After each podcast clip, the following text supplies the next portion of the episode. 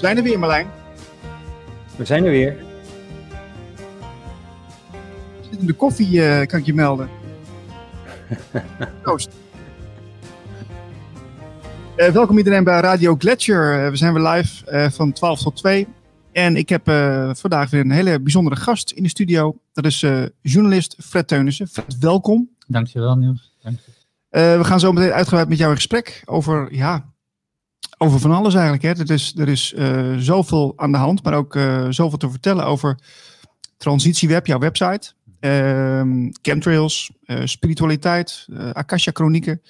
En ja, over jouw persoonlijke leven natuurlijk. Dus daar, daar gaan we zo meteen uitgebreid over spreken. En het programma zit natuurlijk vol met, met, met onze eigen nieuwsfeitjes. We hebben natuurlijk de, camp, de, de, de graancirkels en de UFO's die we nog even voorbij laten komen.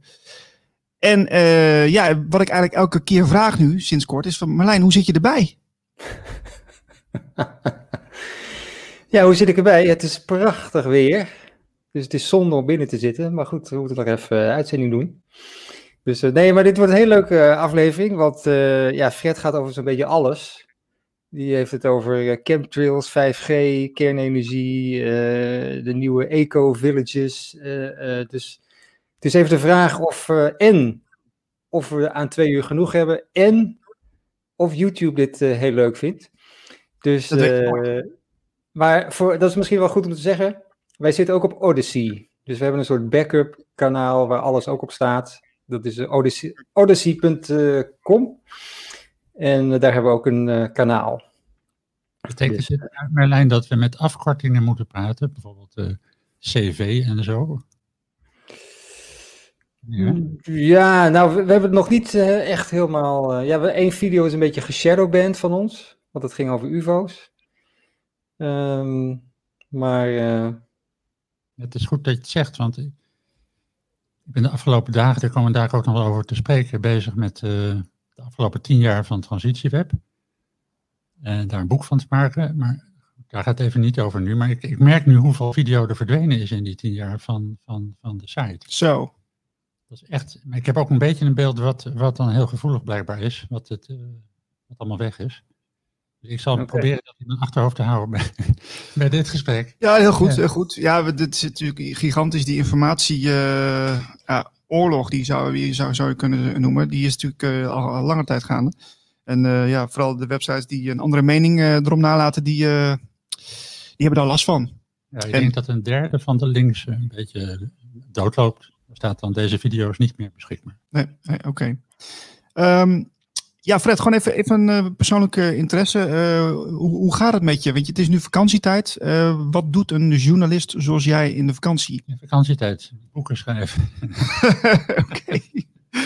Ja. Nee, ik ben als journalist, zeg maar, als betaalde journalist, zeg maar, freelance heb ik gewerkt, een jaar of twintig. de afgelopen twintig jaar, zeg maar. Dat is, dat is klaar. Dat, dat doe ik ook bijna niet meer.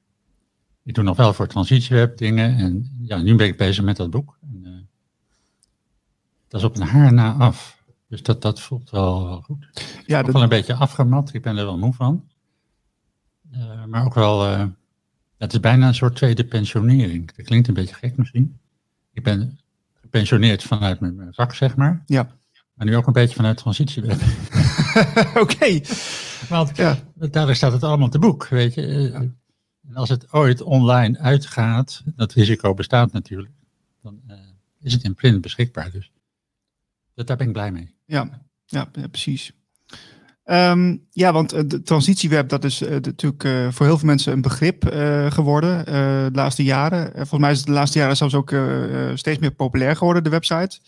Waar toch ja, alternatieve ja, bronnen, alternatieve waarheden te, te lezen zijn. Um, het gaat, gaat eigenlijk over van alles. Uh, uh, je, je, hebt dus dat boek waar we net over hadden, dat is uh, het boek van de website. Dat is een soort bundeling van waar, waar het tien jaar over gegaan is.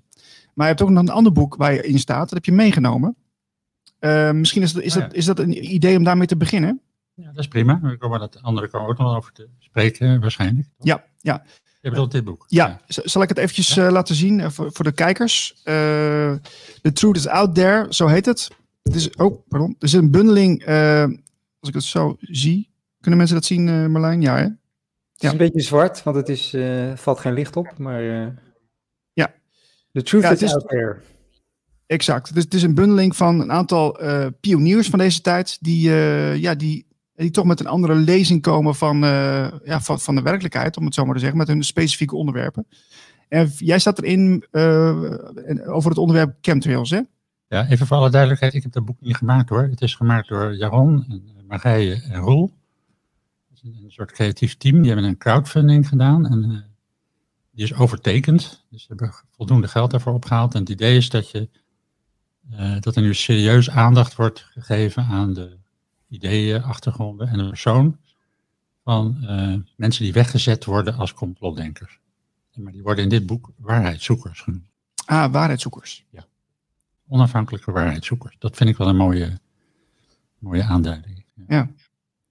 En ik sta erin met een. een, een het- dus alle, alle 18 hebben dus een eigen bijdrage mogen leveren, een eigen hoofdstuk. Voorafgegaan door wat Wikipedia zegt over dat onderwerp, dus dat is het officiële standpunt. En als derde staat er een, eh, er een diepgaand interview met die persoon in. En, eh, ik heb wel heel lang geaarzeld eh, om of ik hier aan mee zou doen. Want, want we zien nu het eindresultaat, maar op een gegeven moment, aan het begin krijg je een telefoontje van iemand die je niet kent en die zegt, Fred, wil je meedoen aan een boek Ja, met allemaal waarheidszoekers? Ik houd een beetje alles af, alle verzoeken van, van, van media. En dat wordt, meestal wordt dat geframed en er zit een nadigheid aan. is het echt zo erg als dat velen denken? Ja, volgens mij is het echt zo erg. Ja. En, eh, maar ik aarzelde, want in dezelfde tijd was er in de Europese Unie eh, een soort, soort werkgroep bezig, of, of een taskforce, misinformatie bestrijden. En in het kader daarvan was ook de, het punt van, we moeten eigenlijk beter studie maken van complotdenkers. Ja, ja. En ik dacht van ja, er zitten twee kanten aan. Dus het, het is ofwel, ehm, ik, ik ga helpen mezelf te bestrijden, hè, door, door een diepere inkijk te geven in mijzelf. Ja.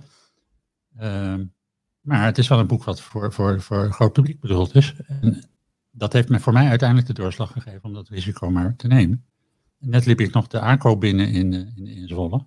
En daar ligt hij dus gewoon. Ah, ja, ja, ja, ja. ja. Dat, dat is wel leuk, toch? Er ligt echt in alle boekwinkels. Dus dat is echt Moet wel zeggen- nieuws. Ik was laatst bij de ACO en toen heb ik heel erg mijn best moeten doen om een boek nog te vinden wat een beetje in mijn staartje paste. Want jongens, jongens, wat het... Nou ja, dan was dat een mooi boek voor mij geweest. Dan ik ben net eh, twee weken te vroeg naar de ACO gegaan waarschijnlijk. Ja, en over dat donkere, eh, eh, eh, Marlijn, eh, er is ook nog een poster en zo, maar het, het, de bedoeling is dat het een beetje licht geeft in het donker. Dus, dus, Oké. dus daar is heel Oh. goed over. Dit geeft licht in het donker. Het ziet er dus donker uit, maar als je alle licht uitdoet, dan geeft het licht. Oké, oké. Nou, dat, dat moeten we dan maar eens een keer eh, proberen bij nacht. Hè? Je weet nooit hoe gezellig het nog kan worden. Ja. Ehm, Kun je- Kun je daar iets over vertellen, Fred, over de chemtrails? Want ik zie ook wel eens wat dingen in de lucht en van die strepen. Dan denk ik van, dat, is, dat kan geen wolk zijn.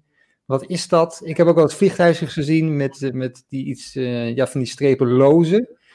Dus ik weet ook niet wat dat is. Maar ik, ik kan ook nergens het origineel of het, eh, het officiële verhaal vinden. De, zeg maar de officiële verklaring van wat dit, wat dit zijn. Dus ehm, waar moeten we beginnen?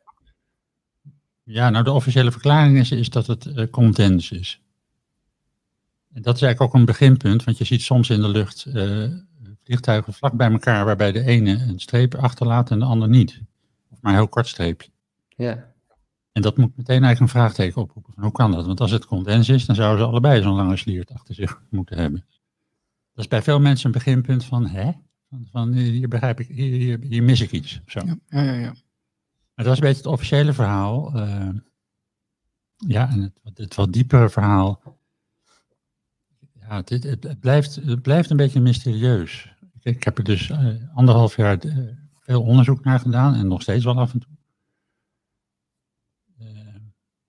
Ik denk dat het er veel boven water is. Eh, dus even kort gezegd, er worden gewoon chemicaliën eh, op nanoschaal, heel klein, in de, in de atmosfeer gebracht. Met bepaalde bedoelingen.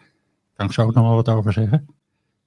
Maar er is waarschijnlijk toch nog heel veel wat er verder nog eh, achteraan komt, waar we nog meer onderzoek naar moeten doen. Ja, want jij hebt ook, uh, die, uh, je hebt ook zelf metingen gedaan hè, uh, van, het, van het water. Ja. En daar, daar kon je dus zien dat er heel veel in af te lezen is. Dat er dus heel veel chemicaliën in, in terug te vinden zijn. Nou, wat ik gemeten heb van mijn uit rekenwater is een verhoogde uh, het aantal, verhoogd niveau van, van aluminium. En nano-aluminium is een stof die de atmosfeer wat elektrisch geleidender maakt. En dat is een van de bedoelingen van dat programma. Omdat je dan met uh, installaties, zoals radarinstallaties en harp-installaties, dat is een heel ingewikkeld woord, maar dat is waarmee je uh, de ionosfeer kunt beïnvloeden. Uh, dat gaat allemaal veel makkelijker met een wat elektrisch geladen atmosfeer. Maar dat is een van de vele functies van dat programma. Ja, dat is, is gelijk weer heel beladen. Hè? Harp wordt ook wel genoemd. Zie je vaak op social media wel voorbij komen. Uh, hè, weer een complot erbij. Ja. Um, maar het bestaat wel. Bestaat. Ja. En, de, aanvankelijk was het een installatie in, in Alaska. die staat er nog trouwens. Maar dat, die, die zijn nu verspreid over heel veel kleinere installaties overal op de wereld. Dus er wordt massief invloed uitgeoefend op de ionosfeer. En weerbeïnvloeding is ook een aspect daarvan. Ja. En je kunt daarmee ook makkelijker weerstelsels sturen. Het laten regenen in Iran bijvoorbeeld. Uh, of het heel erg droog maken op, uh, in Noord-Korea en noem maar op. Ja. Dus wordt de, het weer wordt eigenlijk militair. Dat is ook de, de bedoeling. Uh, als je kijkt naar de, de, de, de achtergrondpapers die er zijn, daar kun je ook gewoon vinden. Dus de, de, het weer als militair wapen. Ja. ja. Of als, als uh, force, uh, ja, force, kracht. Dus dat, dat is één, één van de bedoelingen. Dat, uh, ze maken het elektrisch, de lucht, en dan kunnen ze het weer makkelijker manipuleren. Dat is één van de, een van de doelen.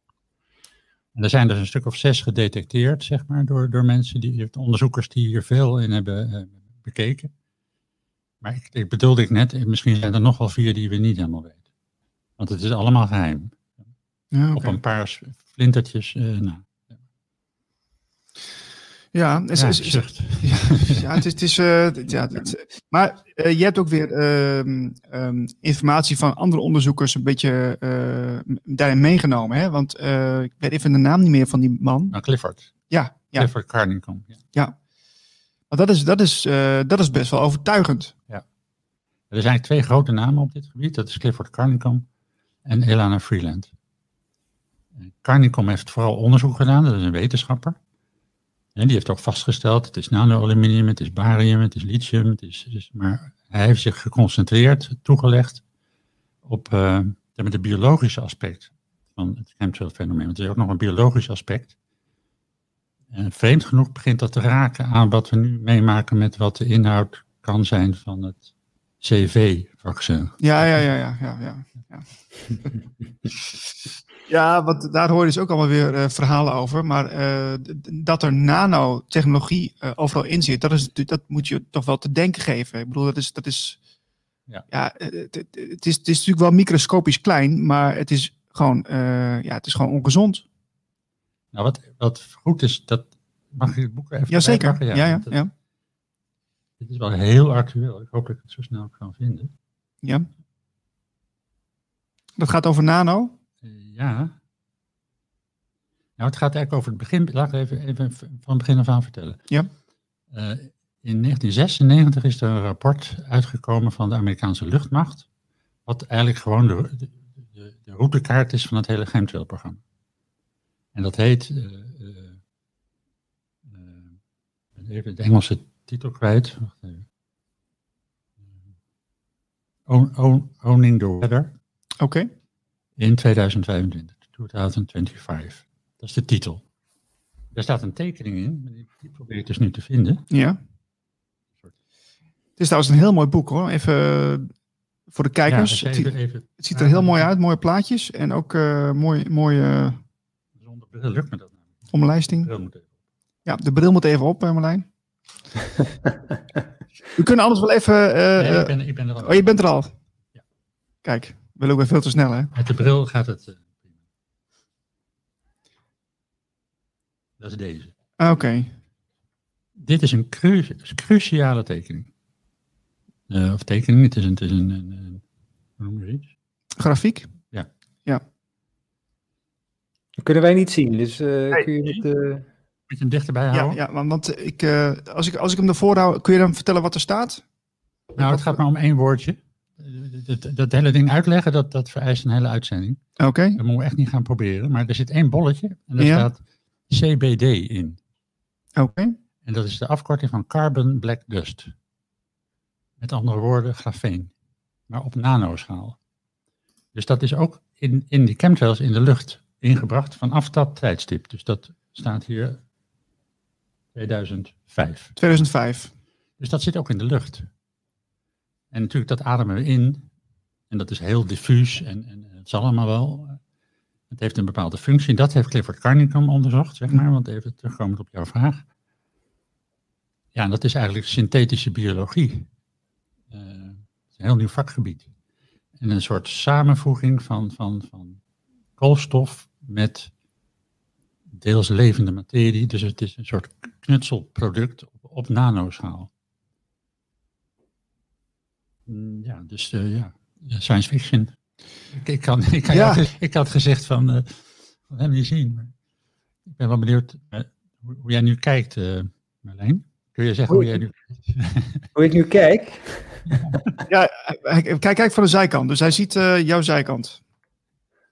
Maar goed, uh, ja, ja. ja, ja, dat, is, dat is inderdaad science fiction. Het is inderdaad, uh, ja. goed, het is Carbon Black Dust, ja. En, mm -hmm. En Ilana Freeland heeft ook al twee boeken geschreven. Derde komt eraan. En dat gaat ook over het hele systeem. Dus dat gaat van weerbeïnvloeding en, en tot en met mentale beïnvloeding. Met, ook met behulp van 5G. Uh, dat is het hele systeem. Ja. Dat is de, ja, en dat, wat, we, wat we daar nu van weten. Ja, het is, het, ja, het is, het is gigantisch. Ja, waar ik nou altijd heel snel naartoe wil is van oké, okay, dit gebeurt. Uh, wat kunnen we daaraan doen? En hoe kunnen we ons daar zelf een beetje tegen beschermen? Want dat, is, dat zou voor mensen natuurlijk wel heel fijn zijn. Um, ja, je kunt natuurlijk beginnen bij gezonde voeding en uh, bewuster leven. Um, maar ja, wat, wat betekent dat dan precies? Ja, dat is eigenlijk al, al een groot deel van het antwoord. Ja. En want die, die nanostofjes, dat is trouwens ook de nano van het verkeer, want daar zit het ook in. En die, die naverbranders in moderne auto's, dat is ook allemaal nano.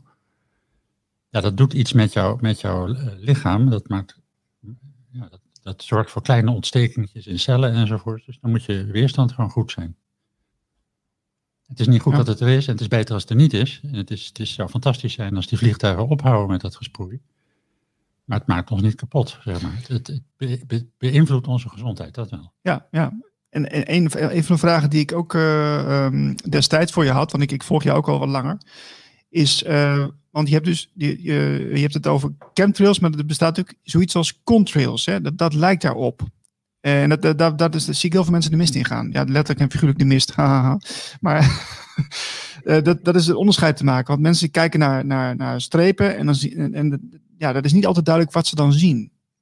Je kunt het best uitleggen aan de hand van als het heel koud weer is.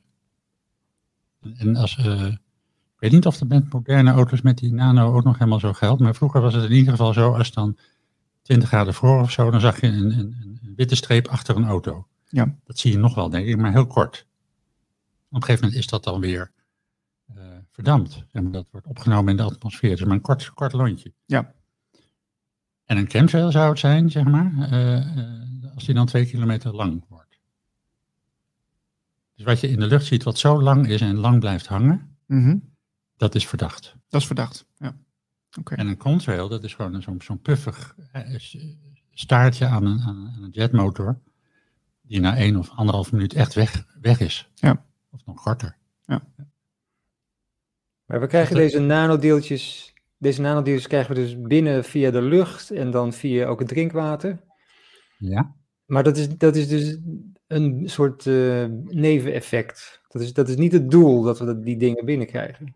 Nee, dat is een soort collateral damage, denk ik. Ja, nevenschade. Dat is niet, niet, niet beoogd. Oké. Okay. Ik denk dat de beïnvloeding, zeg maar, de, de, de manipulatie, het, het onder controle krijgen uh, van de atmosfeer, wat op zich al knetter is, want, want je weet eigenlijk niet waarmee je gaat, gaat, gaat stoeien. Ja. Het is dus het, het proberen te manipuleren van de atmosfeer, dat is het doel. En, dat- en daar zitten eigenlijk het, het middel voor nog weer andere doelen, zoals militairen en zo. Ja, want eh, we worden natuurlijk de laatste weken eh, worden we heel veel weer geconfronteerd met het klimaatverhaal. Eh, heeft dat daar ook zo'n rol dat, dat, het, ehm, dat, dat je dus sneller gaat zien of dat, dat mensen het sneller gaan denken dat er een, een dat, dat iets met het klimaat aan de hand is door die programma's? Ja, voor zover het weer beïnvloeding betreft, denk ik dat dat zeker zo is. Eh, maar bewijs het maar eens. Ja, ja, ja, ja. En er is natuurlijk ook enorm veel discussie over, nu ook weer, met de, wat er gebeurd is in Limburg en in Duitsland. Zijn daar die klimaatbeïnvloedingsprogramma's eh, Ingezet. ingezet? Ja, hoe moet je dat bewijzen? Dat is Ja. echt moeilijk. Ja, ja. Eh, en sommigen zeggen, nee, dat heeft te maken met, met achterstallig onderhoud van, van, van, van, afwateringssystemen of met te veel bouwen in, in, in, uiterwaarden. Ik, ik, weet niet, al dat soort dingen. Dus meer, meer eh, bouwtechnische fouten. Maar het kan. Techni te- te- weet eh, technologisch kan het. Ehm, ja, ik heb ook een artikeltje uitgeprint. Want je hebt dus eh, op je eigen site natuurlijk een beetje reclame gemaakt voor, je, voor de boek. Hè? Dus dat, is, dat is logisch. Ehm, ik kan, ik kan, want wat, is, wat wel leuk is, het, zijn natuurlijk, eh, het is een verzameling met nog eh 17 andere mensen die in het boek staan. Ja. Eh, want het gaat ook over JFK, het gaat over 5G, het gaat over graancirkels, geldschepping, eh 9-11, eh, ja, UFO's, nieuwe media, geopolitiek. eigenlijk alles wat in het, in het verdomhoekje zit van, nou, daar moeten we, laten we daar maar niet over gaan praten, want dan ben je gelijk weer een wappie. Eh, dat staat in het boek. Dus eigenlijk zou, je, zou, je, is dat, is, zou het een hele mooie verzameling kunnen zijn voor mensen die op onderzoek zijn, om eens een keer eh, wat verder te kijken. Ja, het is een soort snelcursus in, waarheid. Ja, precies. Ja, een stevig en bijzonder fraai vormgegeven bundel die 18 waarheidszoekers presenteert met een inhoud, inhoudelijke bijdrage van hun hand, een diepgaand interview en een fotografisch portret. Dat is The Truth Out There en ik ben een van die 18 met het onderwerp chemtrails. Eh, eerste indruk, dit is ongelooflijk. Hier is sprake van serieuze aandacht voor dissidente geluiden, voor de argumenten en de motieven, voor de achtergronden, voor, voor de ins en outs. Na zoveel ontkennings, nou, zoveel ontkenning en beschimping voelt dat erg onwennig, moet ik bekennen. Zou er niet toch ergens een adder onder dit kloekje, kloeke gras schuil gaan? Heb je dat nog steeds een beetje, dat, dat je toch denkt van nou, het boek is nou al uit, maar zou dat niet misschien een bedoeling zijn geweest om het, om het weer zo en zo neer te zetten? Nee, dat heb ik eigenlijk niet. Nu niet meer. Nee, nee ik, ik, ik- die, die drie mensen die ik net noemde, Jaron en Marije en Roel, die hebben een fantastische klus gedaan. Eigenlijk ook een bijna onmogelijke klus, want als je er doorheen bladert, dan... Ja, en dat zijn ook al- allemaal heel eigenzinnige mensen. Die moet je ook allemaal maar nog op de foto krijgen. En, en- en Ja, ik vind het echt een, eh, ja, echt een enorme prestatie. Maar kijk, dat boek landt natuurlijk ook op de bureaus van mensen die eh, misschien zo knettergek zouden kunnen worden dat ze gaan zeggen dat dit soort denken een geestesziekte is. Hmm, ja. En er zijn allemaal wetten in voorbereiding geweest, ook nu weer met dat je makkelijker opgenomen kan worden als de overheid zegt dat het niet goed met je gaat. Dus ja, daar, daar, hou, daar hou ik in mijn achterhoofd nog wel rekening mee. Dus, eh, maar denk ik, oké, dit, dit, eh, tuurlijk, de, de, de, tegenstanders die kijken mee. Die kijken nu ook mee en dat mag ook. Eh, wij kijken ook met hun mee, voor zover ze dat ons toestaan. Precies. Nou, ik vind het wel, eh, ik vind het wel heel moedig dat je met je mee hebt gedaan. Omdat je v- ja, veel, ook veel van dit soort projecten afzegt. En, eh, toch maar nu ervoor gekozen hebt. En eh, dat je bij ons eh, bent aangeschoven bij eh, Radio Glacier. Hartstikke gezellig. Ehm, Marlijn, wil jij eh, verder gaan met, met een nieuwtje? Of waar, gaan- waar gaan we mee door?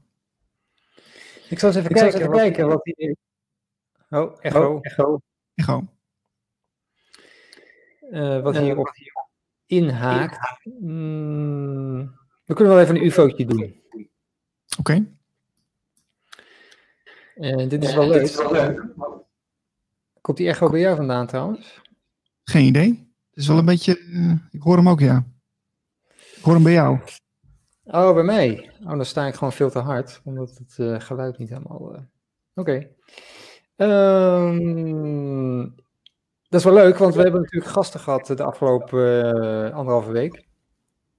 En er komt heel vaak een UFO voorbij in driehoek en dan een rode driehoek. die worden vaak gespot blijkbaar. En dit is er ook weer een. Informatievliegende driehoeken in een driehoek. Één voorop, dan twee, dan drie in driehoek. En waar is dit? Dit is een Urk. Oh, in Urk? In Urk. Informatievliegende driehoeken 6 boven Urk, vliegen van noordoost naar zuidwest. Lichtrood, alleen buitenlijnen van driehoeken um, verlicht. Kon ik vorm en formatie bepalen. Gigantische snelheid. En we hebben, we hebben natuurlijk van Quinten gehoord, dat moet je allemaal niet serieus nemen, de meldpunten.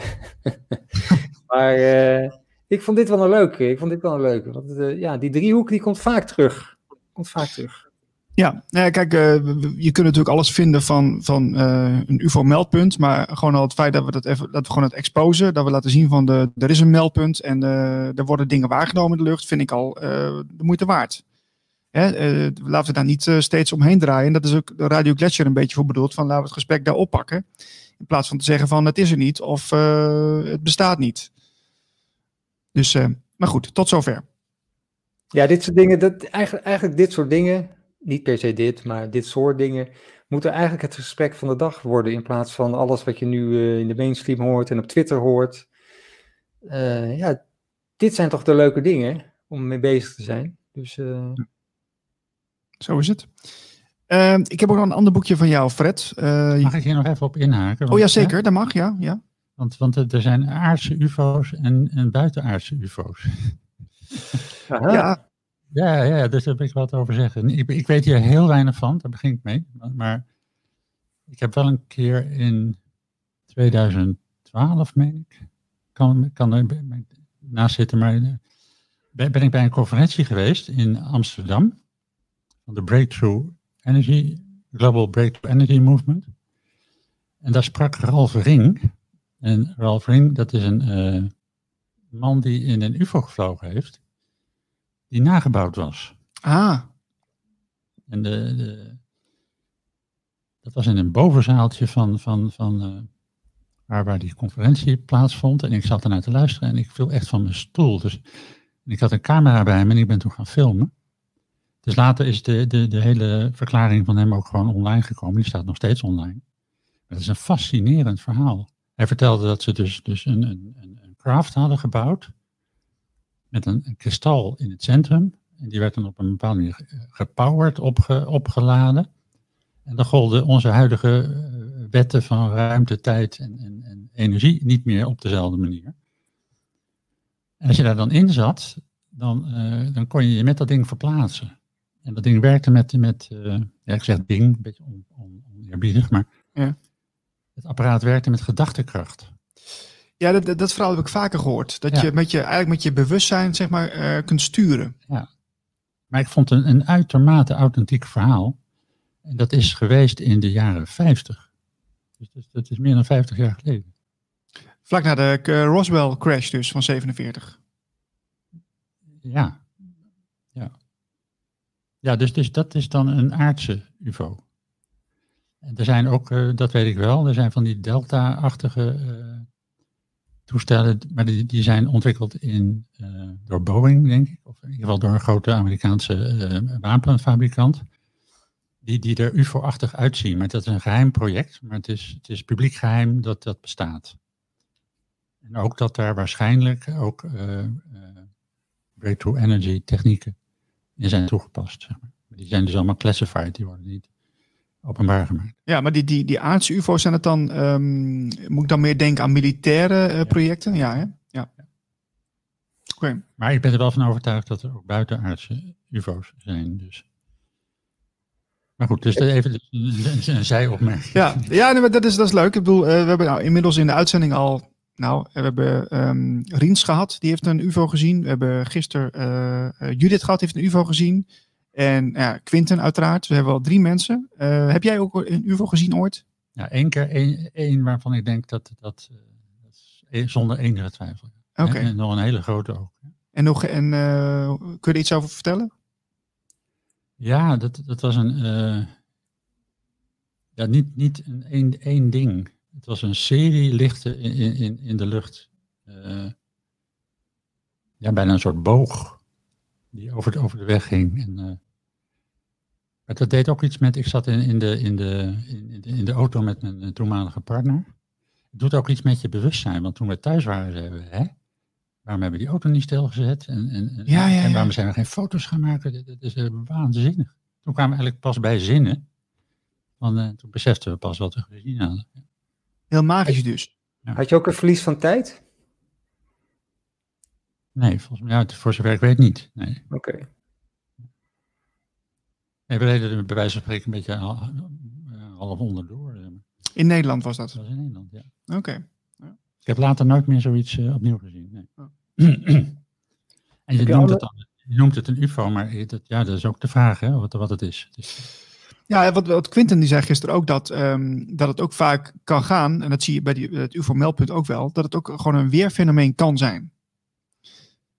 Ja, maar dit was s'nachts. Dus oh. lijkt me onwaarschijnlijk. Ja, ja, er, waren, er waren duidelijke lichtjes die, die, die, die, die ook gewoon uh, zeg maar op een, op een soort, soort patroonachtige manier samen uh, gingen. Ja. ja. Het, bewoog, het bewoog niet, het ging stil in de lucht. Ja. Oké. Okay.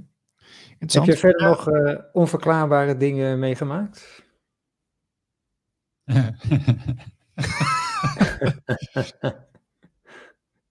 ja, we, we, we, je bent wel bij Radio Gletscher nu, hè? dus het kan allemaal. Misschien moet je zeggen waar je aan denkt. Nee, dit was, dit was wel een hele bijzondere. Ik bedoel, jij, jij doelt meer op een spiritueel iets, uh, Marlijn? Of, uh... Ja, bijvoorbeeld.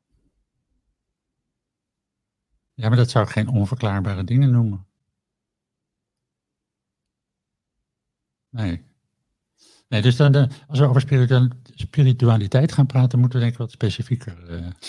Ja, maar daar wilde ik ook e-, even naartoe, want ik pak even dit boekje erbij. een hemel ik pak het even goed bij dat iedereen het kan zien. Uh, een hemels avontuur. Ik zal het even bijpakken. Kun je dat zien, Marlijn? Ja? Is dat duidelijk? Uh, dat is wel grappig, want ik heb dat andere boek voor jou uit 2017. Dat, uh, dat heet dan Hemel onder vuur. Je hebt iets met hemelen. Ik heb iets met hemel. Ja, ja, ja, ja, ja. ja, ja. Met hemel op aarde ook nog. Ook nog. Ja. En, en hier heb je het over de Akasha-chronieken. Um, en hoe je daarmee kan werken. Hè? Uh, daar heb je een boekje over geschreven met Helena Struik. Um, werk jij dagelijks met de Akasha Chronieken? Nee, niet dagelijks. Ik heb het wel, wel een tijd eh, heel vaak gedaan. En nu alleen nog als er, als er iets is waar ik echt uh, buitenaards advies. Het is er niet hoor, maar. Nee, nee. maar een beetje grap. Ja, als, als, je, als je echt ergens mee zit, dan. Dan, uh, dan, dan pleeg je raad. Dan, dan, ja. Uh, ja. Ja, ik noem het maar, dat is een beetje simpel, ik noem het maar een kosmisch geheugen. Dus het raakte aan spiritualiteit, wat wij spiritualiteit noemen, zeg maar. Het is, uh, het is ook gewoon heel reëel, het is niks zweverigs of... of uh, ze noemen het ook wel een, ja, een hemelse bibliotheek.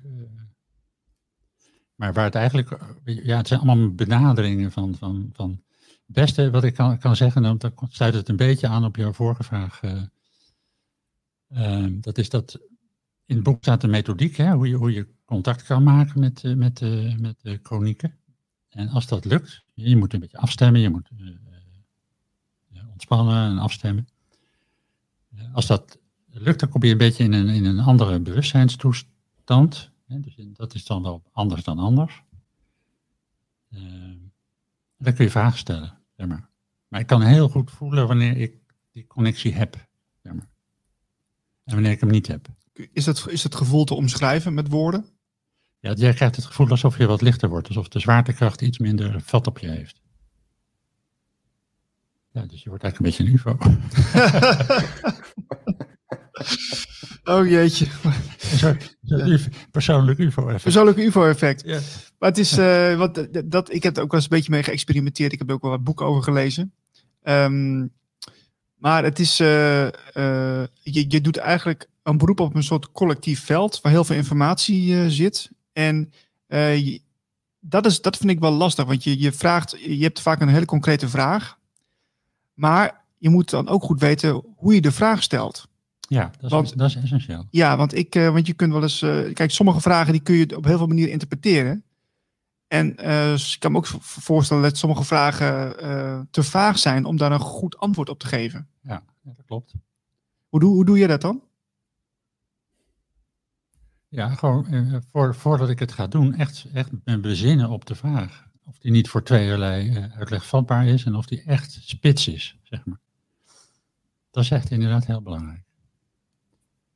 En geen, geen vragen over tijdsdingen, van heb ik volgend jaar een andere baan of zo. Of dat, dat, dat gaat niet werken. Nee, nee. Zijn het eh, ja-nee vragen of ook eh, open vragen? Nee, het is ook liever eh, nee, niet doen. Eh, Liever niet, maar gewoon überhaupt niet doen. Nee, nee begripsvragen kun je stellen. Dus als je ja-nee vragen zou je nog kunnen doen met een pendel, bij wijze van spreken. Dat je, eh, dat je, dat je het aan je hoger zelf vraagt. Of aan, maar de Akasha-chroniek is, is, eh, ja, het is een wijsheidsveld, zeg maar. Dus je moet het ook gebruiken waar het voor is. Dus, dus, dus begripsvragen. Van, je zou kunnen vragen, ik noem maar wat als voorbeeld, anders blijft het misschien een beetje vaag, van, van, van welke aspecten van mijn persoonlijkheid, zeg maar, eh, de persoonlijke ontwikkeling, zou ik nu met voorrang eh, aandacht aan moeten geven? Dat, dat is een begripsvraag. En eh, je krijgt ook altijd iets terug waar je van, van, van, van staat te kijken, waar je zelf niet op zou zijn gekomen met je gewone ra- rationele denken. Ah, Oké, want wat ik, wat ik ook wel eens heb meegemaakt, dat je ehm, met zo'n vraag speelt en eh, dat je dan na een tijdje er eigenlijk achter komt ehm, dat wat je, datgene wat je al vermoedde, dat dat steeds duidelijker wordt. Dat je dus dat, dat vermoeden wordt, het, wordt, wordt het ja, een soort bevestiging. Hm. Eh, herken je dat? Bedoel je dat, je dat je het hebt gedaan en dan bevestigd krijgt wat je Ja, wat je al een al beetje, een beetje wist. juist, ja. Nee, ik heb vaak dat ik voor volkomen op het verkeerde been gezet word. Dan denk ik van, hè? Dat er, heeft dat er ook verband mee? Oh, wacht eens even. Zo'n aha-moment van, oh, maar dit is helemaal nieuw. En dit werpt er een nieuw licht op. Zo, zo kun je het eigenlijk gebruiken. Ja, ja. Ja, want dat, eh, dat, onderscheiden, dat onderscheiden vind ik altijd wel lastig. Hè? Want je, je, je, je hebt natuurlijk gedachten eh, en je krijgt ook informatie. Dus eh, soms vind ik dat het op elkaar lijkt. Dat je denkt van, is het nou een gedachte wat ik, wat ik net binnenkreeg? Of is het, is het inderdaad nieuwe informatie die mij een nieuw inzicht geeft? Heb, eh, heb jij een manier om dat te kunnen on- onderscheiden, dat, dat verschil? Gedachten en inzicht. Ja, of informatie. Dat je denkt van, hé, is het nou een gedachte of is het nou... Nee, ik heb wel soms dat ik noem dat dat me iets invalt. Ja. Eh, maar dat is eigenlijk gewoon buiten de, sorry, buiten de, de, de Akasha-chroniek. Dat ik ineens denk van, oh, woep, dat is een soort helder weet. Maar Akasha, misschien moet ik proberen te omschrijven wa- wat, wat, eh, wat er gebeurt als je in zo'n zo'n eh, afstemming zit. Ja, graag. Ja, want met, als je daar gewoon rationeel over praat, dan, dan, dan, dan komt dat niet over. Dat mer- merk ik nu ook. Want, eh, als je in zo'n afstemming zit en je vraag gesteld hebt, dan komt er eh, een antwoord eh, op een niet-rationele manier. Dat is voor ons moeilijk te begrijpen, maar de, de, de kosmos praat niet zoals jij en ik met, met, met ons. Zeg Mhm. maar, maar op een, met een, wat, op een meer gevoelsmatige, intuïtieve manier. En dat is het dan bijvoorbeeld soms dat ik ineens in zo'n afstemming eh, een song in mijn hoofd krijg, een lied. En dan denk ik, hé, dat, is, dat, is, dat is het antwoord op mijn vraag. Dan weet ik nog steeds niet wat het is. En dan sluit ik af en dan ga ik daarna naar het internet. En dan kijk ik naar, naar die song en naar de songtekst. En ik, aha, dat is hem. Kippenvel moment. Ja. Snap je? Dus, dus dat kan een songtekst zijn, dat kan een bepaalde emotie zijn die, die, die, die, die dan bij je naar boven komt. En de, de methodiek die in het boek beschreven wordt is van laat die emotie toe, eh, ga, ga erin mee en dan krijg je bijvoorbeeld ineens een beeld. Je, oh, en dan is het beeld het antwoord. Snap je? Maar het komt op een niet-rationele manier komt het tot je. Ja. Maar visualisatie hoort daar dus ook niet bij. Het, is meer, dat, het is, gaat puur op gevoel dan. Ja, ja. Dus, dus eh, het, het- je, je, je, je, je ontspant, zeg maar. Je, je, je, je opent met een gebed. Dat is een soort, soort ritueel. kort gebed. En dan vraag je, je vraagt ondersteuning bij dat eh, proces. Maar er zit geen visualisatie, visualisatie verder tussen. Oké. Je stelt je vraag en dan komt er op de een of andere manier in jouw systeem een antwoord binnen. Dat is de hoe het werkt. Als, je, als, je, als, je, als die afstemming goed is. Ja. Dat is toch weer, het gaat toch weer over frequenties dan, hè? Want dan, dan stem je af op een één bepaalde frequentie. En dan krijg je allemaal informatie door, eigenlijk. Ja. En uit, uitleggen waar die frequentie zit en hoe je die oproept, dat is natuurlijk uh, heel lastig uh, te vertellen dan. Ja, dat gebed is heel belangrijk. Want, uh, ja, het is trouwens, ja, dit, is, dit is een heel bijzonder verhaal van hoe komen we hier nu überhaupt bij? Vroeger was dit geheime informatie. We praten allemaal over allerlei dingen die steeds geheim zijn. En op een gegeven moment is het uit het geheim. Ja, precies. precies. Dit is op een gegeven moment uit het geheim gegaan, zeg maar. Even, even afgezien van hoe dat dan precies ging.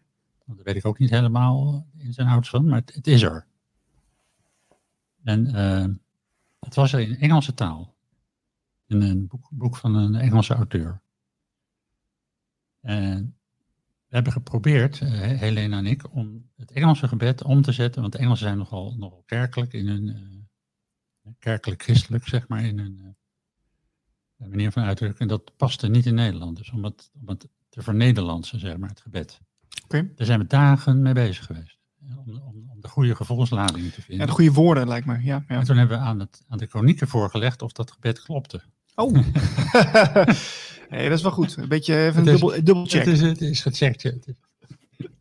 Maar dus je kunt ervan uitgaan dat het, dat het redelijk goed is. Ja, ja precies. Ja. Maar omdat jij het zegt over die frequentie, uh, Marleen, dat klopt. Want in de woorden zit een, een frequentie. En, en, de plaats van het woord in de zin, dat, dat, dat, doet iets. En het ritme. En, uh, ja, dat heb je wel nodig. Je, je moet dat, je, zonder dat gebed gaat het niet goed.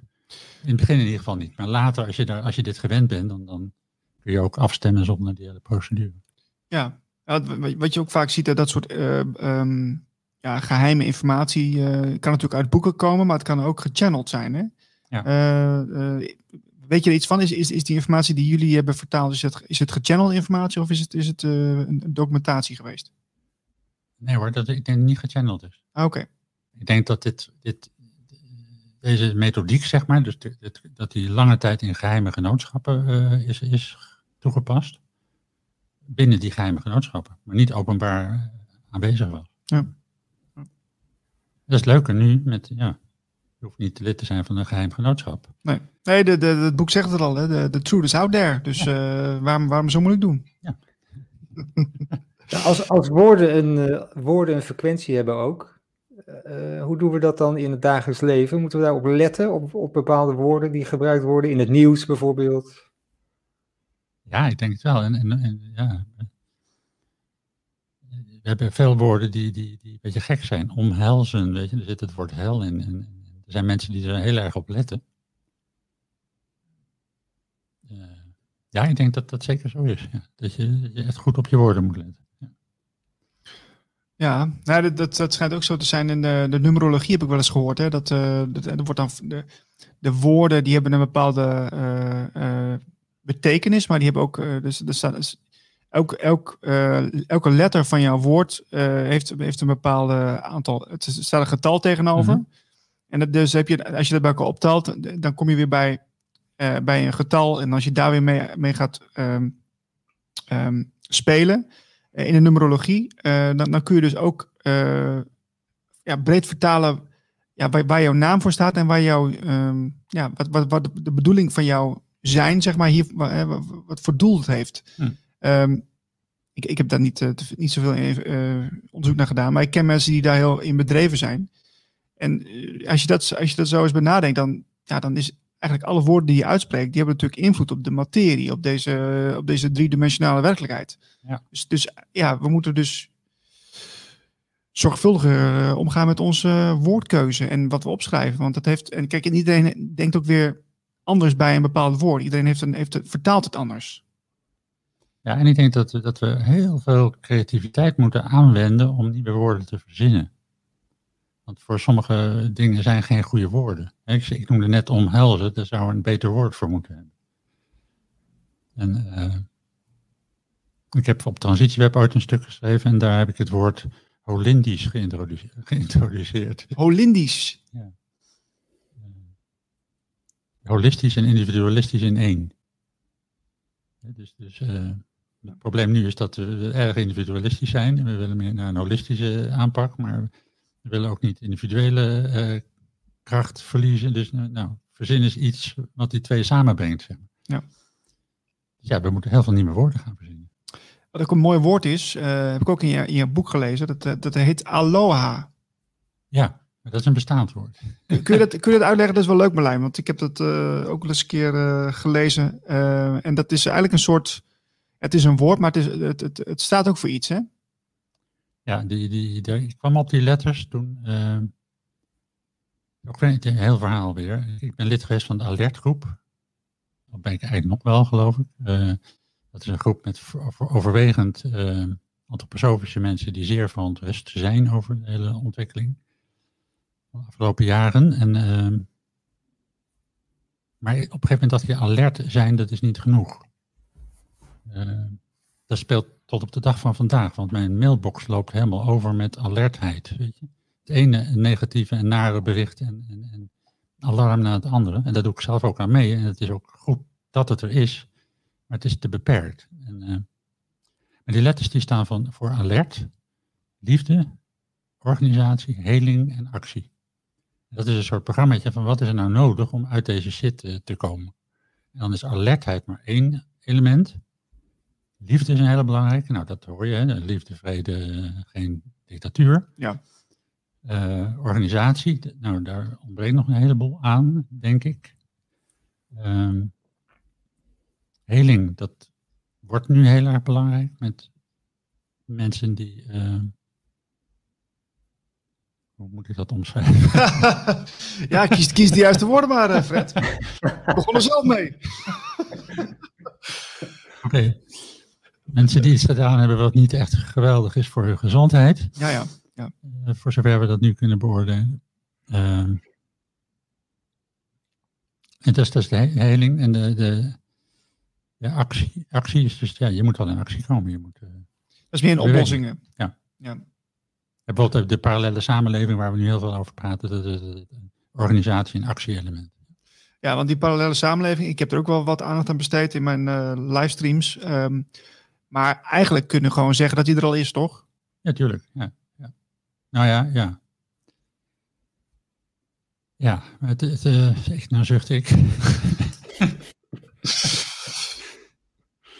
ja, want ik, ik geloof niet zo erg in dat concept ik geloof wel dat er van al, dat goed is dat van alles nog wat gebeurt. Hè. We hebben luchtjaar, hartcirkels, uh, huiskamers,bijeenkomsten, uh, voedselcoöperaties, van alles. Wat er, wat er nu aan de basis in de samenleving gebeurt. Dat is hartstikke goed. Ja. Um, maar ik geloof niet in het model dat de huidige samenleving, zeg maar, uh, doorgaat. Of, zoals die nu, nu, zich ontwikkelt, richting een fascistisch model.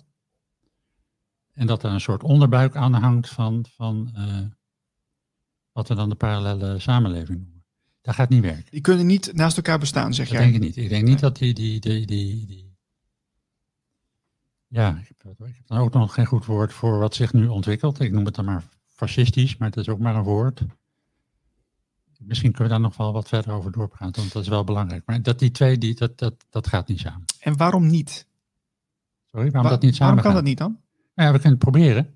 Maar ik denk dat op een gegeven moment uh, uh, de, de, de, de, de, degenen die de macht hebben, uh, misschien staan, staan ze toe als het marginaal is. Maar als het echt groter wordt, denk ik niet dat dat toegestaan wordt. Dat zit ook in de plannen. Dus de, de, de, de routekaart waar ik over heb gepubliceerd in uh, Transitieweb. Het, gewoon niet, het, niet tolereren van oppositie.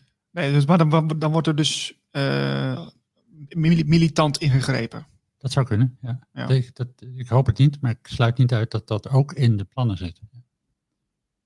En dat betekent niet dat we het niet moeten doen. We moeten het dus wel doen, maar we moeten wel alert zijn in de zin van uh, niet denken dat wij, dat wij een, een, paradijsje mogen gaan ontwikkelen terwijl de wereld om ons heen steeds zwarter wordt. Dat, dat, dat, als je het zegt, dan weet je al dat dat niet kan kloppen. nee, nee.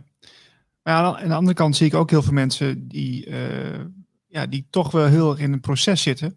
Uh, en uh, dat heeft tijd nodig. Want kijk, je kunt het we, hebben over wakker worden of, of bewustwording. En dat, dat, dat, is natuurlijk ook wel gaande. Alleen het zijn van die, zijn van die beladen begrippen geworden. Want wat, wat versta je er nou onder? Maar ik zie dus heel veel mensen in een proces zitten. Een soort worsteling van ja, ja, en wat ga ik nou doen? Wat ga ik hiervan vinden? Want alle informatie is gewoon beschikbaar. Dus het is gewoon eigenlijk, volgens mij is het gewoon een, een, een heel individueel proces voor iedereen om, ja, om te kijken van hoe ver durf ik uh, ja, uh, onderzoek te doen? Of hoe, in hoeverre durf ik te kijken van wat er werkelijk gaande is? Want ik denk dat heel veel mensen echt wel aanvoelen dat, het, dat heel veel dingen niet kloppen en dat er veel meer aan de hand is. Ik ga er niet, niet, niet op in wat dan precies. Maar um, ja, het is, het is een beetje alsof je voor het eerst in een koud bad water eh, stapt. Hè? Je weet dat je erin moet. Je moet in een koud bad water. Je voelt even met je teentje zo erin. En ik van nou, ja, nee, het is wel heel koud, hè? Ja, nee, maar ja, ik moet er toch in. Ja, wanneer ga je die sprong maken? Is het nu? Of volgende week? Of uh, ja. En dan gebeurt er wat. Ja. Ja, dat is waar. Weet je, maar dat is nog op het. Dat klopt wat je zegt, maar dat, dat is op het, nog op het niveau van zeg maar de, de coronadictatuur en de parallele samenleving. Ja. Die twee. Ja, ja, ja. Dat maar, klopt. ja ik denk dat, dat, dat er. Dat, we, dat er iets achter ligt, ik weet niet hoe ik dat precies moet noemen. Uh, niet een, een, andere samenleving, maar een andere uh, beschaving. Mm, ja, zeker. Iets veel groters. En dat we met z'n allen eigenlijk moeten nadenken en, uh, ook moeten werken aan die basisontwikkelingen. Niet, niet op een tuintje neer te zetten, maar om te bouwen aan die nieuwe beschaving. En dat kan wel daar kunnen nu al kernen voor, voor ontwikkeld worden. En ik noem het een beschaving omdat ik denk dat het meer is dan alleen maar een ander maatschappijmodel. En dat je, dat het, dat je eigenlijk moet denken in orders van groottes van we hebben Atlantis gehad, we hebben de na-Atlantische tijd gehad en we hebben iets heel groots wat nu gaat komen. Van, de, van dezelfde wereldhistorische dimensies. En de elites die, die, die dat tweede gedeelte, zeg maar het na-Atlantische tijdperk, helemaal in de greep hebben gehad, die proberen dat nu tot iedere prijs te houden, zeg maar. En ik denk op de lange termijn is dat onhoudbaar. Maar we praten dus over iets heel anders dan een parallele samenleving. Ja. In mijn optiek. Maar ik denk, ik denk ook dat het een, een, een, ehm, een, een um, het, het, komt ook omdat ons denken zo, zo werkt. Hè? Wij denken nog steeds in, in, in um, iets wat naast elkaar moet uh, samen kunnen bestaan, parallel. Iets moet, we moeten, moet, twee dingen moeten kunnen bestaan. Of we moeten naar een nieuw model waar je het over hebt. Maar als we dat nou eens loslaten, want ja. uh, dus we denken weer dat we, wij in een model moeten passen. Maar hoezo? Hè, misschien als we gewoon alles eventjes aan de kant schuiven en dat, dat, dat het gewoon mag ontstaan. En dan is het model is datgene wat ontstaat. Niet dat wij erin moeten passen. Ja, exact. Helemaal mee eens. Ja. En ja, ik denk dat dat, ja, want anders dan, dan gaat, gaat er weer iemand of een groepje wijze mannen die gaat beslissen dat we, dat we weer ergens aan moeten voldoen. Nou, dat is precies waar we vanaf moeten. Ja, nou, weet je, dat, de, de, de, uh, ja, maar Lijn, wil je wat zeggen? Ja? ja? Nou, dan, dan, dan, dan, dan komen we bij uh, het, anarchisme. het anarchisme. Ik pak even koffie, want nu wordt het spannend. Oh.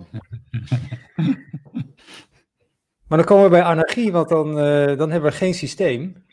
En dan hebben ja. we dus, uh, ja, we, we, doen het gewoon zoals we denken dat het moet, zonder systeem, zonder, uh, zonder vormpje waar het in moet. Nou, ik ben in zoverre nog wel van de oude stempel. Dat, uh, ik denk dat er wel een nieuwe, nieuwe so sociale vorm of structuur zal komen, vermoed ik. Maar dat is ook niet één vorm. Dat zal ook allerlei vormen krijgen, maar uh, uh, een tijdje terug, met, met, mijn kinderen hadden vroeger een diabolo, noemden ze dat. Oh ja. Weet je wel? Diabolo is ook een raar woord, is ook... Uh, ja, goed, even loshalen. Lach een beetje, Fred, hoor, jongen. jongen.